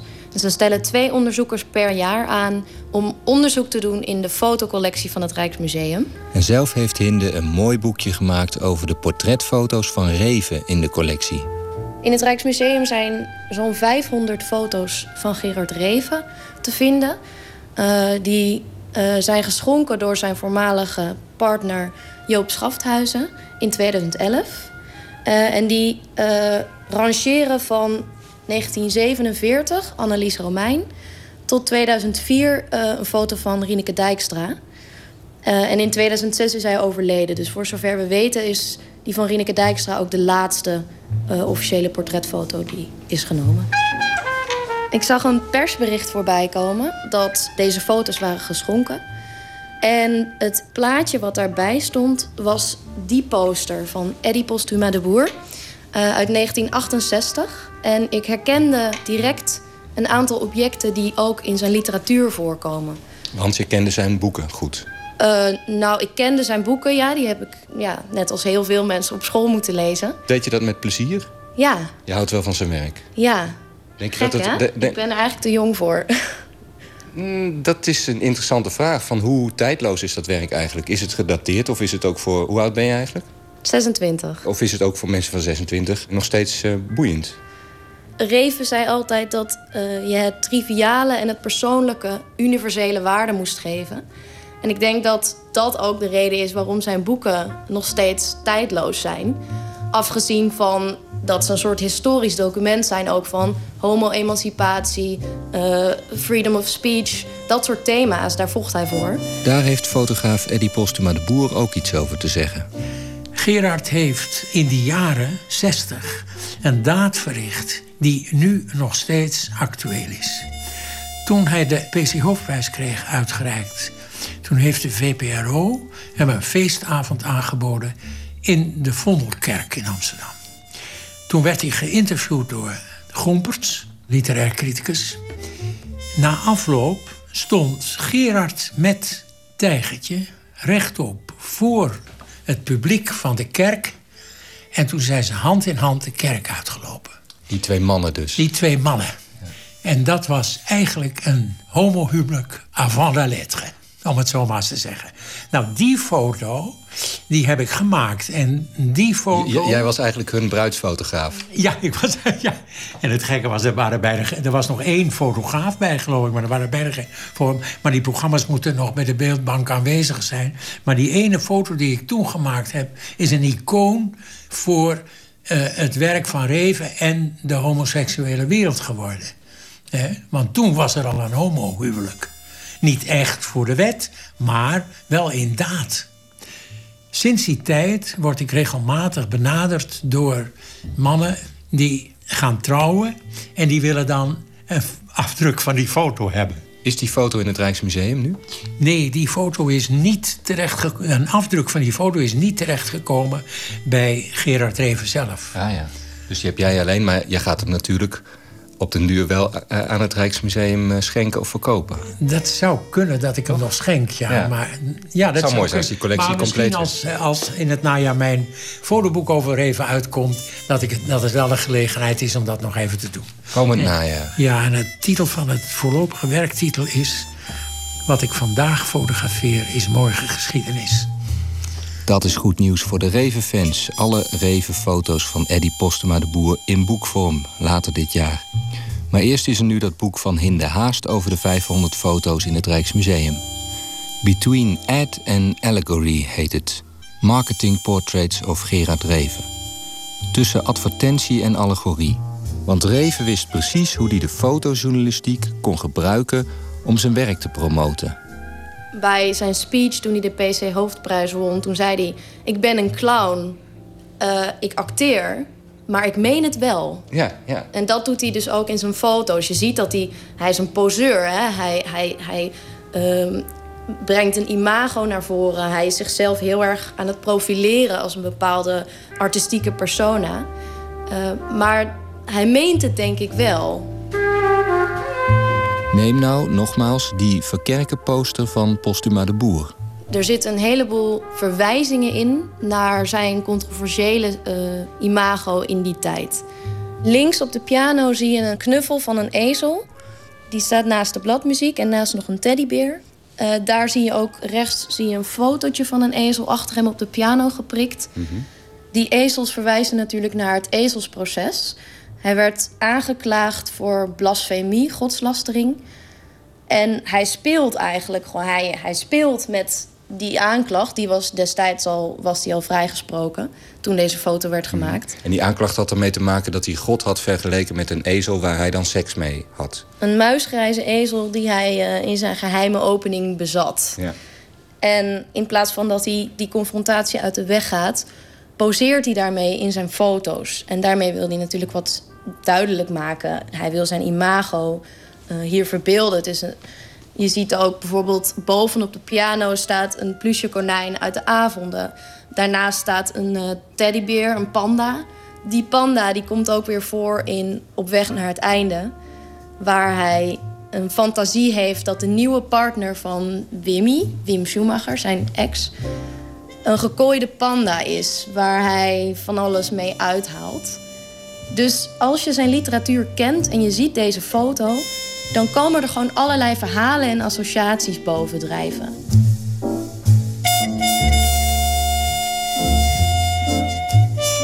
En je ziet ook dat hij later gaat spelen met identiteitsvorming.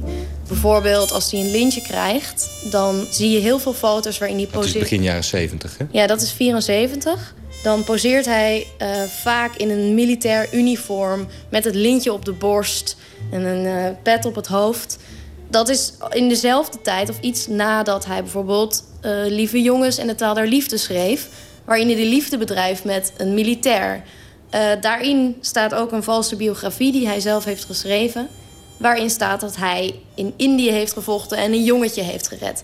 Dat is onderdeel van een soort mythevorming die hij zelf in gang zegt hij ook dat hij, dat hij eh, heel vertrouwelijk bevriend is met de koningin en zo. Precies, ja. Wordt ook een beetje karikaturaal dan, hè, in die, in die jaren. Ja, in die jaren maakt zich een soort revenmoeheid van het publiek meester. Eh, de recensies van Lieve Jongens en De Taal der Liefde waren veel minder lovend dan Nadat tot U en Op weg naar het einde. Ja. Ik denk dat ook veel mensen gewoon een beetje eh, moe werden van hoe hij paradeerde, ook met zichzelf. Niet alleen in Ja, zijn van die zelfpromotie ook. En, en eigenlijk dus van die foto's waar jij onderzoek naar gedaan hebt. Ja, ik denk dat de mensen destijds zagen die foto's natuurlijk in de kranten, in de bladen, op Reven verschenen op televisie. Nu kunnen we ons dat misschien niet voorstellen, maar destijds was die wel alom aanwezig. En ik kan me goed voorstellen dat mensen hem niet meer geloofden. Die, die mystiek en die romantiek die hij eh, zichzelf eigenlijk aanmat, of die in zijn boeken naar voren kwam. Ja, en dus ze- in de fotoportretten. Ja. ja, en in de portretten, dat ze die niet meer geloofden. Dat het, dat het niet meer oprecht overkwam. Dat is ook de het gevaar van dat allemaal te doen met een dikke laag ironie. Hè? Dan krijg je ook dat gevaar dat mensen het op een gegeven moment echt niet meer serieus nemen. Ja, en in de jaren zeventig is hij bijvoorbeeld ook... werd hij steeds vaker uitgemaakt voor racist. En hij speelde de, ook daar steeds mee met...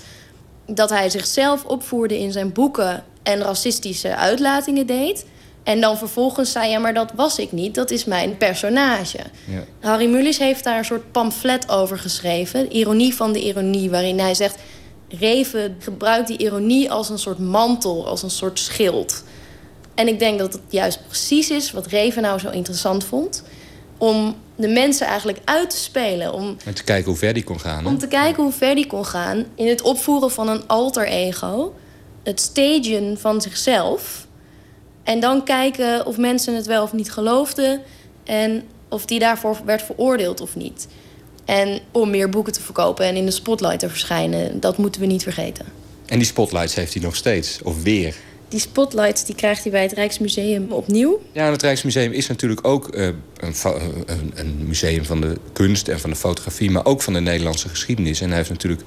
Hij is heel belangrijk geweest in de jaren 60, 70, 80 in Nederland. Ja, hij heeft eh, heel veel eh, sociale thema's aangekaart. Zoals homo-emancipatie, maar ook racisme. Vrijheid van meningsuiting, vrijheid van religie. Dus in die zin was Reven een hele belangrijke persoon in de Nederlandse geschiedenis. Maar die foto's die zijn ook belangrijk om een, een bredere geschiedenis van de fotografie te laten zien. Omdat je gewoon heel duidelijk kan zien hoe iemand kan spelen met beeldvorming. En hoe een portret zowel een allegorie kan zijn als een, een reclameuiting. En los daarvan van is het ook nog een soort stijlkaart van Nederlandse portretfotografen. Want bijna iedereen heeft hem wel gefotografeerd. Van Cas Oorthuis tot aan Rieneke Dijkstra. Ja, dat klopt. Veel grote Nederlandse namen. Dus in vele opzichten is het een eh, belangrijke collectie.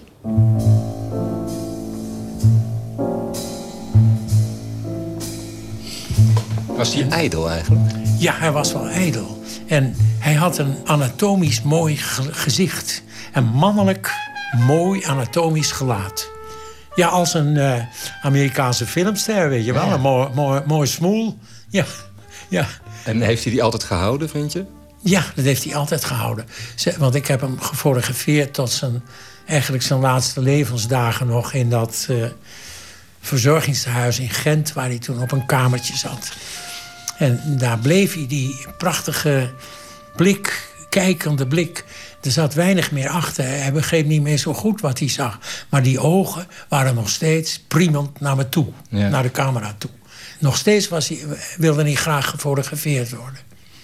Ja.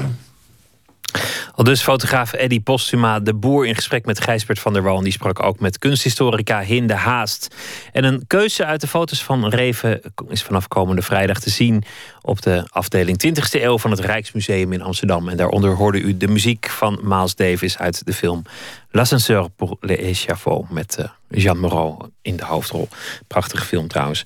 We gaan eh, luisteren naar eh, muziek meer van nu. Timber Timber heten ze en het nummer heet Hot Dreams. I wanna dance, I wanna dance, I wanna dance with a black woman.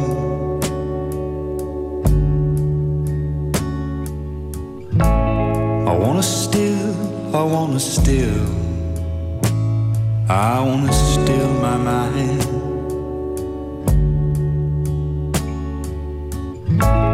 And I want a chance, I want a chance.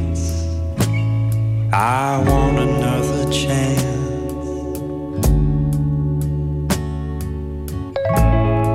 to distill, to distill their time.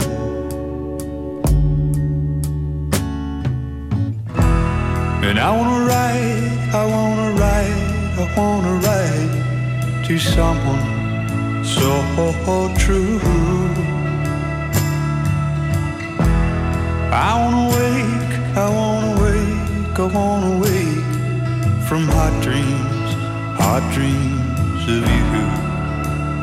Ah, hot dreams.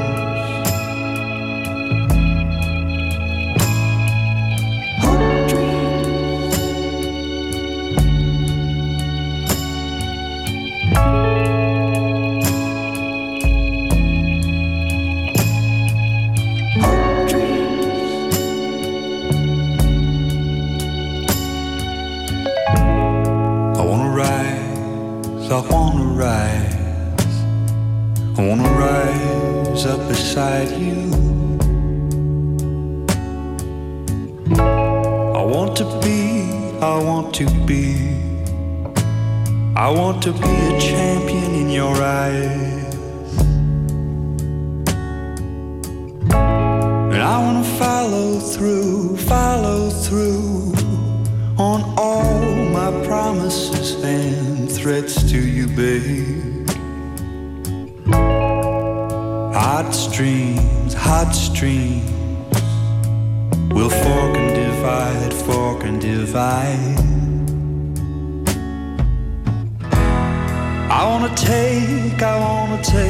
I wanna take, take all of your air.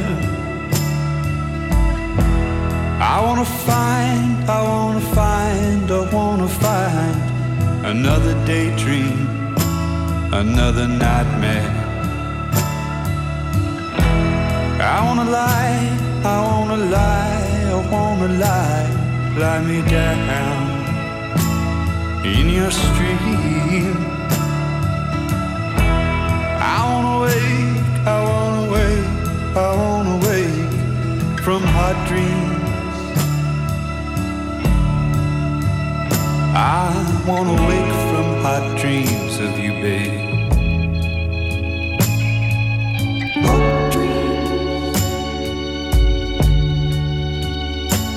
I wanna wake from hot dreams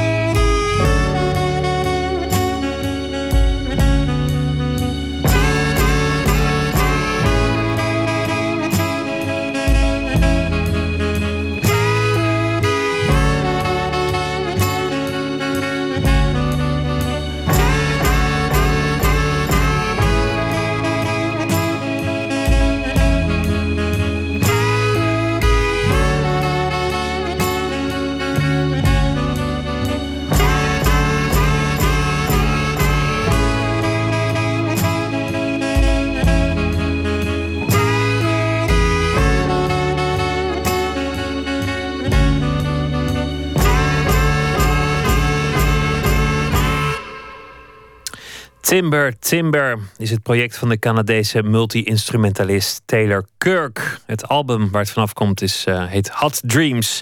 En zo heet ook dit nummer. Aan de lijn vanuit het eh, verre buitenland, Tokio, Japan, Wouter van Kleef. Hij is al daar eh, journalist, werkt voor Trouw, BNR, BNN, VRT en ook voor ons. Goedemorgen, hoe laat is het daar nu? Goedemorgen, het is hier eh, half negen. Ehm, in het land van de reizende zon is eh, de zon opgekomen, zeg maar. We hebben jou gevraagd om eh, in de gaten te houden wat er voor interessante dingen op cultureel gebied gaande zijn in Japan. En jij wilde het hebben over manga-strips. Ja, klopt. Ehm, Ik denk dat veel mensen voor- wel weten wat het zijn, maar misschien moet je het toch nog even uitleggen voor, nou ja, voor het karaoke-effect, voor wie het al weet. En Ja, nou, een, manga is inderdaad een, eh, stripvorm eh, die in Japan ook vrij serieus genomen wordt, eh, trouwens. In Europa zijn we toch gewend strips wat meer voor kinderen te beschouwen, maar dat is in Japan zeker niet zo. Iedereen leest die dingen. En ja, de, de manga's, dat zijn strips ehm, die, die heel erg in your face zijn, hè, die heel erg expressief zijn, die heel erg duidelijk weergeven wat de werkelijkheid is. En dat is eigenlijk een beetje tegengesteld met wat wij kennen van de Japanse cultuur, van een beetje toedekken en beleefdheid. Maar dat is manga juist helemaal niet. Heel rauw de werkelijkheid weergeven. En eh, ja, heel veel Japanners kunnen ervan genieten. En ehm, de ja, Japanners kijken er graag naar, lezen het hier graag, manga's. Het zijn eh, strips met eh, ehm, ja, ja, vooral figuren met, met grote ogen en een zekere onschuld in contrast tot wat er gebeurt. Seks en, en geweld, maar ook dingen waar je eigenlijk in het dagelijks leven niet, niet over kunt praten. Ja, ook dat. Eh, ma- manga is eigenlijk een heel breed spectrum. Het gaat van honk, honkbal, koken, uitgaan, ook tot heel controversiële thema's inderdaad. Eh, seks, zoals je net al zei, eh, zelfs kinderporno-achtige dingen worden er weergegeven in manga's. Maar er is nu een manga uit, en daar wil ik het eigenlijk eventjes met jullie over hebben, over ehm, de Fukushima-kerncentrale. Je weet, de kerncentrale die drie jaar geleden getroffen werd door een tsunami. Sindsdien, nou ja, allemaal berichten over lekkages, nucleaire lekkages. En er is een man die daar heeft gewerkt bij het opruimen van die troep eigenlijk van Fukushima. En die heeft daar een manga over gemaakt. En eh, ja, dat is, dat is toch wel heel bijzonder. En die krijgt ook in Japan heel veel aandacht. Dit is dus iemand die via de strip en omdat hij het uit eerste hand weet, het verhaal kan vertellen. Want, want er hangen nog steeds heel veel mysteries eh, rond de vraag wat er daar binnen nou precies gebeurd is. Ja, dat is waar. Eh, weinig toegang voor de pers ook op het Fukushima centrale terrein. En als die er zijn, dan zijn het echt van die hele georganiseerde perstoertjes. Eh, dus, het is eigenlijk voor het eerst dat iemand je gewoon heel erg bij de hand kan nemen in zo'n manga. En je kan laten zien wat daar nou precies gebeurt, hoe dat daar gaat. En dat is ook eigenlijk precies wat hij beoogt te doen. Hij maakt een soort reportage van ja, het werk en het leven op die Fukushima-kerncentrale. Ehm, hij heeft niet echt een politieke stellingname over kernenergie, wat nu een heel controversieel thema is in Japan. Maar hij benadert dat gewoon eh, ja, eigenlijk heel erg vanuit het perspectief van zo'n arbeider. Van hoe gaat het nou? Je moet je dan elke dag in je beschermende kleding hijsen. Eh, je moet eh, elke dag op straling gecheckt worden. Wat doe je als je jeuk hebt aan je neus? En je mag je kap niet afdoen, want stel je voor, dan, dan word je natuurlijk blootgesteld aan radioactieve straling. Nou ja, dat, dat soort hele dagelijkse dingen van hoe dat leven op en werken op die centrale gaat, dat, dat belicht hij eigenlijk. En dat is heel interessant inderdaad, omdat ja, Japanners, die hebben daar, en eigenlijk heeft niemand daar eigenlijk ooit echt toegang toe. Eh, we weten niet echt wat daar gebeurt. En er gaan dus ook best veel spookverhalen over de ronde. Nou ja, en hij laat eigenlijk heel menselijk zien hoe dat daar, nu daar is. Hoe is met die tekenaar eh, eh, afgelopen met zijn werkzaamheden in die centrale? Heeft hij, heeft hij zelf de, maximale dosis en misschien nog wel iets meer binnengekregen? Eh, nou, hij liep tegen de maximale dosis aan na een half jaar werken daar in 2012. En toen heeft hij er eh, ja, de brui aan moeten geven. Hij is er trouwens naartoe gegaan, dat wel grappig verhaal. Hij verdiende niet genoeg met manga strips maken. Eh, dus hij moest een andere baan zoeken waar hij een beetje geld mee kon verdienen. En ja, dan beland je al snel op die Fukushima-centrale hier in Japan. Want dan krijg je allemaal toeslagen en zo. Dus dat is op zich betaald dat wel lekker. Dus dat is voor hem ook de reden om daar naartoe te gaan. En ja, dus, dus, dus zo is dat gegaan. En ja, ja zo, zo komt dat. Gaat het ook over de, de gevaren, de lekkages, hoe, hoe kapot de centrale nog is? Kortom, de, de, de vragen die wij ons hier heel erg stellen over die centrale? Nee, niet, niet echt. En dat is sowieso in Japan wel een thema waar, Japanners het wel over hebben hoor. Maar dat is een beetje een ondergeschoven kindje geraakt. Het is voor heel veel Japanners eh, die hier bijvoorbeeld in Tokio leven, ja, een paar honderd kilometer van die stralen, is dat gewoon toch ver van een bed. Eh, ze horen ook al, al jaren nu die berichten over lekkages en kunnen dat ook moeilijk een plaats geven. Wat betekent dat nou als er eh, zoveel sievert in de zee lekt, als zoveel becquerel weglekt? Ja, dat is heel moeilijk om dat een, een, een, een, idee bij te krijgen. Ook vooral natuurlijk omdat je die straling ja, heel simpel niet kan ruiken, niet kan voelen. Dus je denkt al snel van ja, het zal wel. Eh, weet je, als de vis getest is die ik in mijn sushi eet en die zou goed zijn, nou ja, dan zal het wel. Dus Ja. voor heel veel Japanners is dat een beetje ver van de bed. En daar gaat die manga dus ook niet over. Heeft hij het onder eigen naam gedaan? Want als je, als je taboes beslecht, dan doe je dat vaak niet onder je eigen naam. Eh, nee, klopt. Hij heeft een eh, pseudoniem gekozen. Kazuto Tatsuta. Eh, dat is zijn pseudoniem. Ehm, ja, dat, dat doet hij mede ook omdat hij vanwege zijn contract niet met bijvoorbeeld de pers mag praten, niet, niet de openheid mag zoeken van, eh, van, van de media. Dus, dus daarom heeft hij inderdaad een pseudoniem moeten kiezen. En ja, dat is ook een beetje Japans. Hè, om, eh, als je controversiële zaken aan de orde stelt, dat dan vooral niet onder je eigen gezicht te doen, onder je eigen naam te doen. Dus, dus ja, dat, dat past ook wel een beetje in die cultuur eigenlijk op een of andere manier. Hij is nog niet vertaald naar het eh, Nederlands. Dus eh, of het heel interessant is voor, voor mensen die geen Japans spreken, dat valt te bezien. Desalniettemin een interessant verhaal over de manga-strip in Japan. Wouter van Kleef vanuit Tokio, dankjewel en een eh, fijne dag daar. Graag gedaan. Tot ziens. En wij gaan verder met, met muziek, zoals gebruikelijk. PJ Harvey. Eh, Stories from the City, Stories from the Sea was haar album uit het jaar 2000. En een van de betere nummers van die plaat was een duet met de zanger van Radiohead, Tom York. This Mess We're In.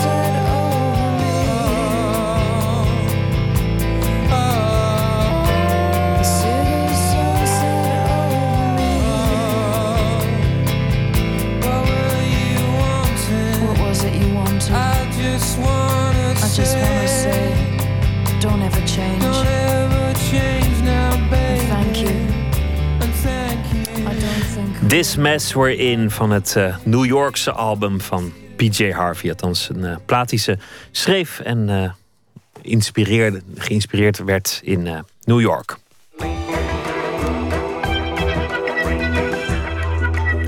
U luistert naar de VPRO naar het programma Nooit meer slapen. Caligula was een Romeinse keizer. Hij staat bekend als een vredeheerser. Volgens sommige bronnen was hij gemeen, sadistisch, extravagant, seksueel pervers en over het geheel genomen een geesteszieke tiran. Het inspireerde Albert Camus tot, het, tot een toneelstekst... die nu op het podium gaat worden gebracht... door regisseur Thibaut Delpeu van de toneelschuur en de Utrechtse Spelen. Een verslag van onze verslaggever Botte Jellema. Rufus mag geluk spreken dat ik zo snel honger krijg. Maar Rufus, dat is dus een die moet sterven. Jullie vragen mij niet waarom hij moet sterven. Oh, dat jullie verstandig worden. Eindelijk hebben we begrepen dat je niet noodzakelijkerwijs iets verkeerd moet hebben gedaan om te worden gedood. Wat is de zin van het leven? Het is geen lichte vraag in Caligula. Het is een zogenaamde existentiële vraag. De Franse schrijver en filosoof Albert Camus gaf drie opties om die vraag te beantwoorden: religie, zelfmoord of absurdisme. Dat laatste stond Camus het meest aan. En in zijn toneelstuk Caligula jaagt een Romeinse keizer absurde logica na. Hij overleeft het niet. Gereel, wat ben je stil? Ik ben bereid tegen keizer zodra hij het me toestaat. Perfect, op mij. In Haarlem werkt regisseur Thibaut Delpeut met een groep acteurs aan Caligula. Ik mag even bij de repetities zijn. Caligula wordt geboren in het jaar 12 na Christus. Rond zijn 25ste volgt hij zijn oud-oom op als keizer. Caligula komt met een nieuwe onderscheiding. Deze onderscheiding heet het ordeteken van de burgerheld. Het is een prijs, hè? een prijs eh, voor de burger die het bordeel van Caligula het vaakst heeft bezocht. Hij is keizer van het jaar 37 tot 41. Hij is gevreesd. Hij wordt beschuldigd van slapen met de vrouwen van andere mannen en daarover opscheppen. Van het moorden omdat hij het leuk vindt. Van het veroorzaken van hongersnoden en het willen oprichten van een standbeeld van zichzelf in de tempel van Jeruzalem. Jij ziet er slecht gehumeurd uit. Dat is toch niet omdat ik je zoon heb laten doden? Ooit was hij bij Spelen in een arena waar geen criminelen waren om aan de beesten te voeren. Het verveelde hem en daarom gaf hij zijn wachters de opdracht een complete sectie van het publiek in de arena te gooien. Er was eens een arme keizer, van wie niemand hield. En hij, die van Lepidus hield, liet diens jongste zoon doden om deze liefde te verwijderen uit zijn hart. Camus gebruikte de geschiedschrijving voor zijn stuk Caligula. Thibaut Delpeut ontmoet ik op het dakterras van het theater Toneelschuur in Haarlem... in een pauze van de repetities. En we kijken uit over de stad. Met hier om de hoek de, de, hoeren. Ja. De hoeren en, de- en de kerk zien we aan de andere kant. Ja, Ja. ja. de grote kerk aan, eh, aan onze linkerhand en de hoeren zo'n beetje rechts beneden. Ja. Eh, er is een link te leggen met eh, Caligula. Ja, zeker. Nou, of, of sowieso met Camus. Want Camus als filosoof stond eigenlijk heel dicht tegen, heel dicht bij het volk. Dus zijn filosofische verhandelingen komen eigenlijk voort uit een, uit een levenswijze, uit een levenservaring. Ehm, in plaats van iemand als Sartre bijvoorbeeld, die heel erg top-down eigenlijk eh, redeneerde. Dus eigenlijk vanuit een ivoren toren. Dat Camus beschouwen was meer van het lichamelijke. Absoluut. Ja. van het lichamelijke en ook denk ook van de, van de vergankelijkheid van, de, van het leven. Ik denk ook dat hij ook in zijn leven ook wel de, de zwarte kant ehm, probeerde te omarmen. En ik denk dat hij in, in, in mensen in, ik zal maar zeggen, de hoerenwijken. Dit is een beetje een Anton Pieck hoerenwijk hoor, moet ik zeggen. Maar, met, met mooie puntdaakjes en zo en geveltjes. ja, maar dat hij, dat hij, eh, dat hij daar toch een bepaalde eh, eerlijkheid en een soort down-to-earthness eh, vond. En de kerk aan de andere kant die we nu horen, speelt ook een rol. ehm, maar een uitgespeelde rol eigenlijk. Ehm, en het is grappig dat tijdens het repeteren en nu zo in de montagefase, waarin je eh, enerzijds bezig bent om echt vorm te geven, eh, aan de andere kant ook dingen vindt eh, die je deels zelf hebt gecreëerd, maar ook dingen die Camus dus heeft willen schrijven en die, je nu, die nu echt duidelijk worden. Dat bijvoorbeeld Caligula als figuur echt een, een soort anti-Jezus is. Dezelfde omtrek heeft, alleen dan in het zwarte, in het donkere. En juist zegt, het staat ieder mens vrij om de rol van God aan te nemen in zijn eigen bestaan. Maar dat maakt hem bijna tot een leermeester met discipelen. Caligula van Camus is geen historisch correcte weergave van het leven van de keizer. Hij gebruikte dat verhaal voor een verhandeling over de vrije wil en de betekenisloosheid van het bestaan, zegt Thibaut. En zo kwam Camus bij zijn opties: religie, zelfmoord of absurdisme. Ik bedoel, die, die driedeling die je schetst, die is absoluut waar. Eh, en Camus velt geen moreel oordeel, maar hij zegt in wezen wel... eh, de religie is niet een logische uitweg. De zelfmoord eh, is een mogelijkheid, maar is in principe ook geen logische uitweg... want staat haaks op de logica van het feit dat het leven er is. En Camus zei eigenlijk, er is maar één fundamenteel filosofisch probleem... namelijk dat van de zelfmoord. Eh, waarom, en eigenlijk is de vraag, waarom niet? Eh, waarom dat niet doen? Eh, en dat is eigenlijk een heel opluchtende vraag. Nou ja, hij is ook wel een beetje. Ja, vind je dat opluchtend? Ja, vind ik wel. Ja, als je je die vraag stelt, waarom zou ik er geen einde aan maken? Dan ben je bezig met te definiëren wat je zou willen... wat je zelf vindt dat het leven zou moeten zijn, Ja, jouw misschien leven. wel vanuit een heel negatief beginpunt. Ik vind het overwegen van zelfmoord, zo, eh, eh, al- eh, laat ik het zo zeggen, als logische gedachte-exercitie niet per se een deprimerende overweging. En ik vind ook, eerlijk gezegd, er ook niet veel kracht uitgaan van het vermijden van die vraag. Maar ik geloof ook niet dat Camus erop uit was dat, men, dat men overtuigd zou worden door wat hij schreef. Hij, hij schreef geen handleiding voor het leven. Hij zei, die is er niet. Die, eh, er is geen ideologie als eh, ultieme antwoord. Er is geen religie als ultieme antwoord. Eh, er zijn ook geen hogere machten. Nou, we leven nu in een tijd waarin we ons ook afvragen of kapitalisme een mogelijk antwoord nog steeds zou kunnen definiëren. Die, dat, is, dat is wat aan het wankelen. Niet fundamenteel, maar toch. Maar ik geloof niet dat Camus per se wilde dat mensen wakker zouden worden elke ochtend en zouden denken: ga ik het vandaag doen, ja of nee? Caligula staat te boek als gewelddadig en moordzuchtig. Maar Thibaut gelooft niet dat hij waanzinnig is. Nou, hij hangt een, hij, hij hangt een absurde levensfilosofie aan. Maar zijn de, de grondlaag, eh, de emotionele basislaag waar dat uit voortkomt, die is heel begrijpelijk, vind ik. Hij raakt eh, voor het eerst in zijn leven, nog jong, aan het begin van het stuk geconfronteerd met eh, de plotselinge dood van zijn zus. Die ook zijn geliefde was. Zijn, zijn wederhelft. Eh, iemand die het dichtst bij hem stond van wie dan ook. Wat op zichzelf al enigszins absurd is, maar... Ja, ja, absoluut. Maar ik denk dat je dat met een korrel zout moet nemen. Omdat op zich incest in die tijd eh, een net andere status had dan nu. Maar er wordt, wordt in het stuk ook wel gekscherend over gesproken. Maar voor hem was het... eh, er is echt een deel van hemzelf gestorven. En hij zegt aan het begin van het stuk... wat ga je nu doen? Tegen zichzelf. Calig- tegen zichzelf in de spiegel. Wat ga je dan nu doen? Ga je het op een akkoordje gooien met jezelf? Jezelf in de slaap troosten met eh, troostende gedachten. Hij zegt, is dat dan genoeg? Is dat dan genoeg, denk ik, ten opzichte van de nagedachtenis aan zijn zus... maar ook genoeg om dan het leven mee verder door te brengen? En hij zegt dat dat niet genoeg is. Hij zegt, ik kan mezelf niet voorliegen dat het niet zo is. De mensen sterven en ze zijn niet gelukkig. Dat is zijn conclusie. En hij wil die waarheid bij mensen onder ogen brengen. Hij wil dat mensen niet meer liegen over hun bestaan.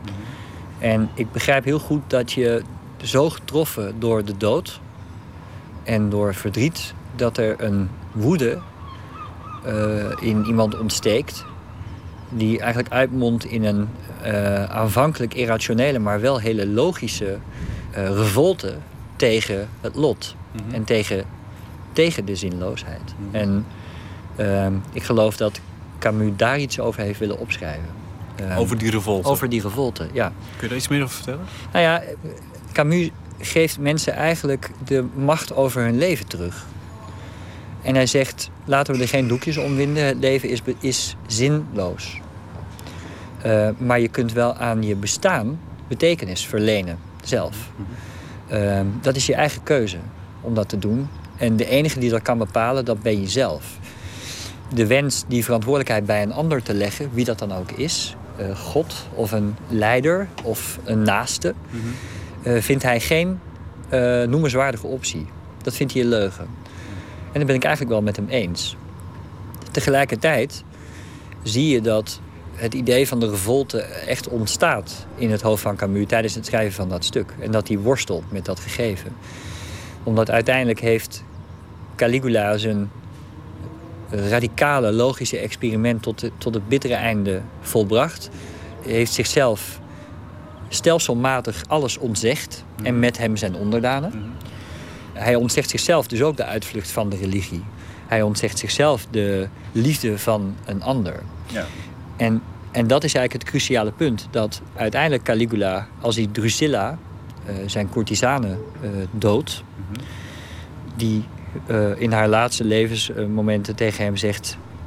maar waarom geen tederheid? Waarom is dat geen oplossing? En dan is Caligula al voorbij een bepaald punt... om vervolgens alleen uiteindelijk een staat te bereiken... waarin hij helemaal alleen staat. Alleen nog maar oog in oog met zichzelf.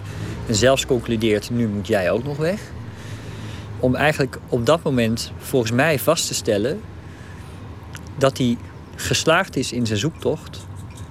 in het logische experiment... maar gefaald is in zijn eigenlijke zoektocht, namelijk rust en betekenis.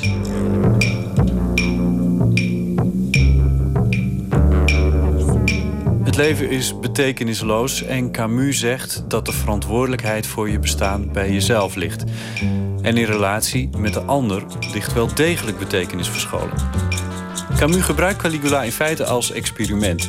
Wat gebeurt er als je geen leugens van anderen meer accepteert? Het grappige is namelijk dat hij na dat moment zelf niks meer kan zeggen, maar zijn, zijn levensweg, en daar komt weer die vreemde analogie, die omgekeerde analogie met Jezus om de hoek, dat hij een laatste stap zet als voorbeeldfunctie, maar eigenlijk daarvoor ook concludeert, dit is niet de weg. Maar we zijn daarvoor wel meegegaan, als het goed is, in een aantal logische, absurd logische, maar wel logische eh gedachtenstappen van hem. Ehm, die ons wel ook vragen stellen over ehm, hoe we onszelf eigenlijk verhouden tot ons bestaan. Of we dat eigenlijk doen. Caligula is actueel, zegt regisseur Thibaut Delpeut. Het is heel goed in deze tijd te plaatsen. Ik geloof dat veel mensen een beetje geconfronteerd worden met de gelatenheid die ze eh, hebben gehad in de afgelopen 15 jaar.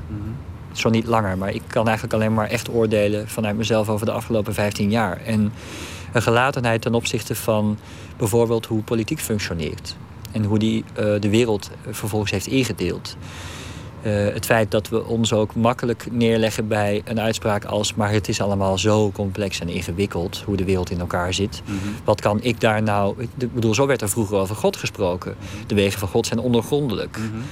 Begrijp je? Dus het is... Ja, vraag, niet naar de, vraag niet naar de antwoorden. Ja, precies. En, maar eh, dat staat helemaal haaks op het feit dat je verantwoordelijkheid neemt voor je bestaan. En dat je met de verantwoordelijkheid voor je eigen bestaan ook mede verantwoordelijk bent voor het bestaan van anderen.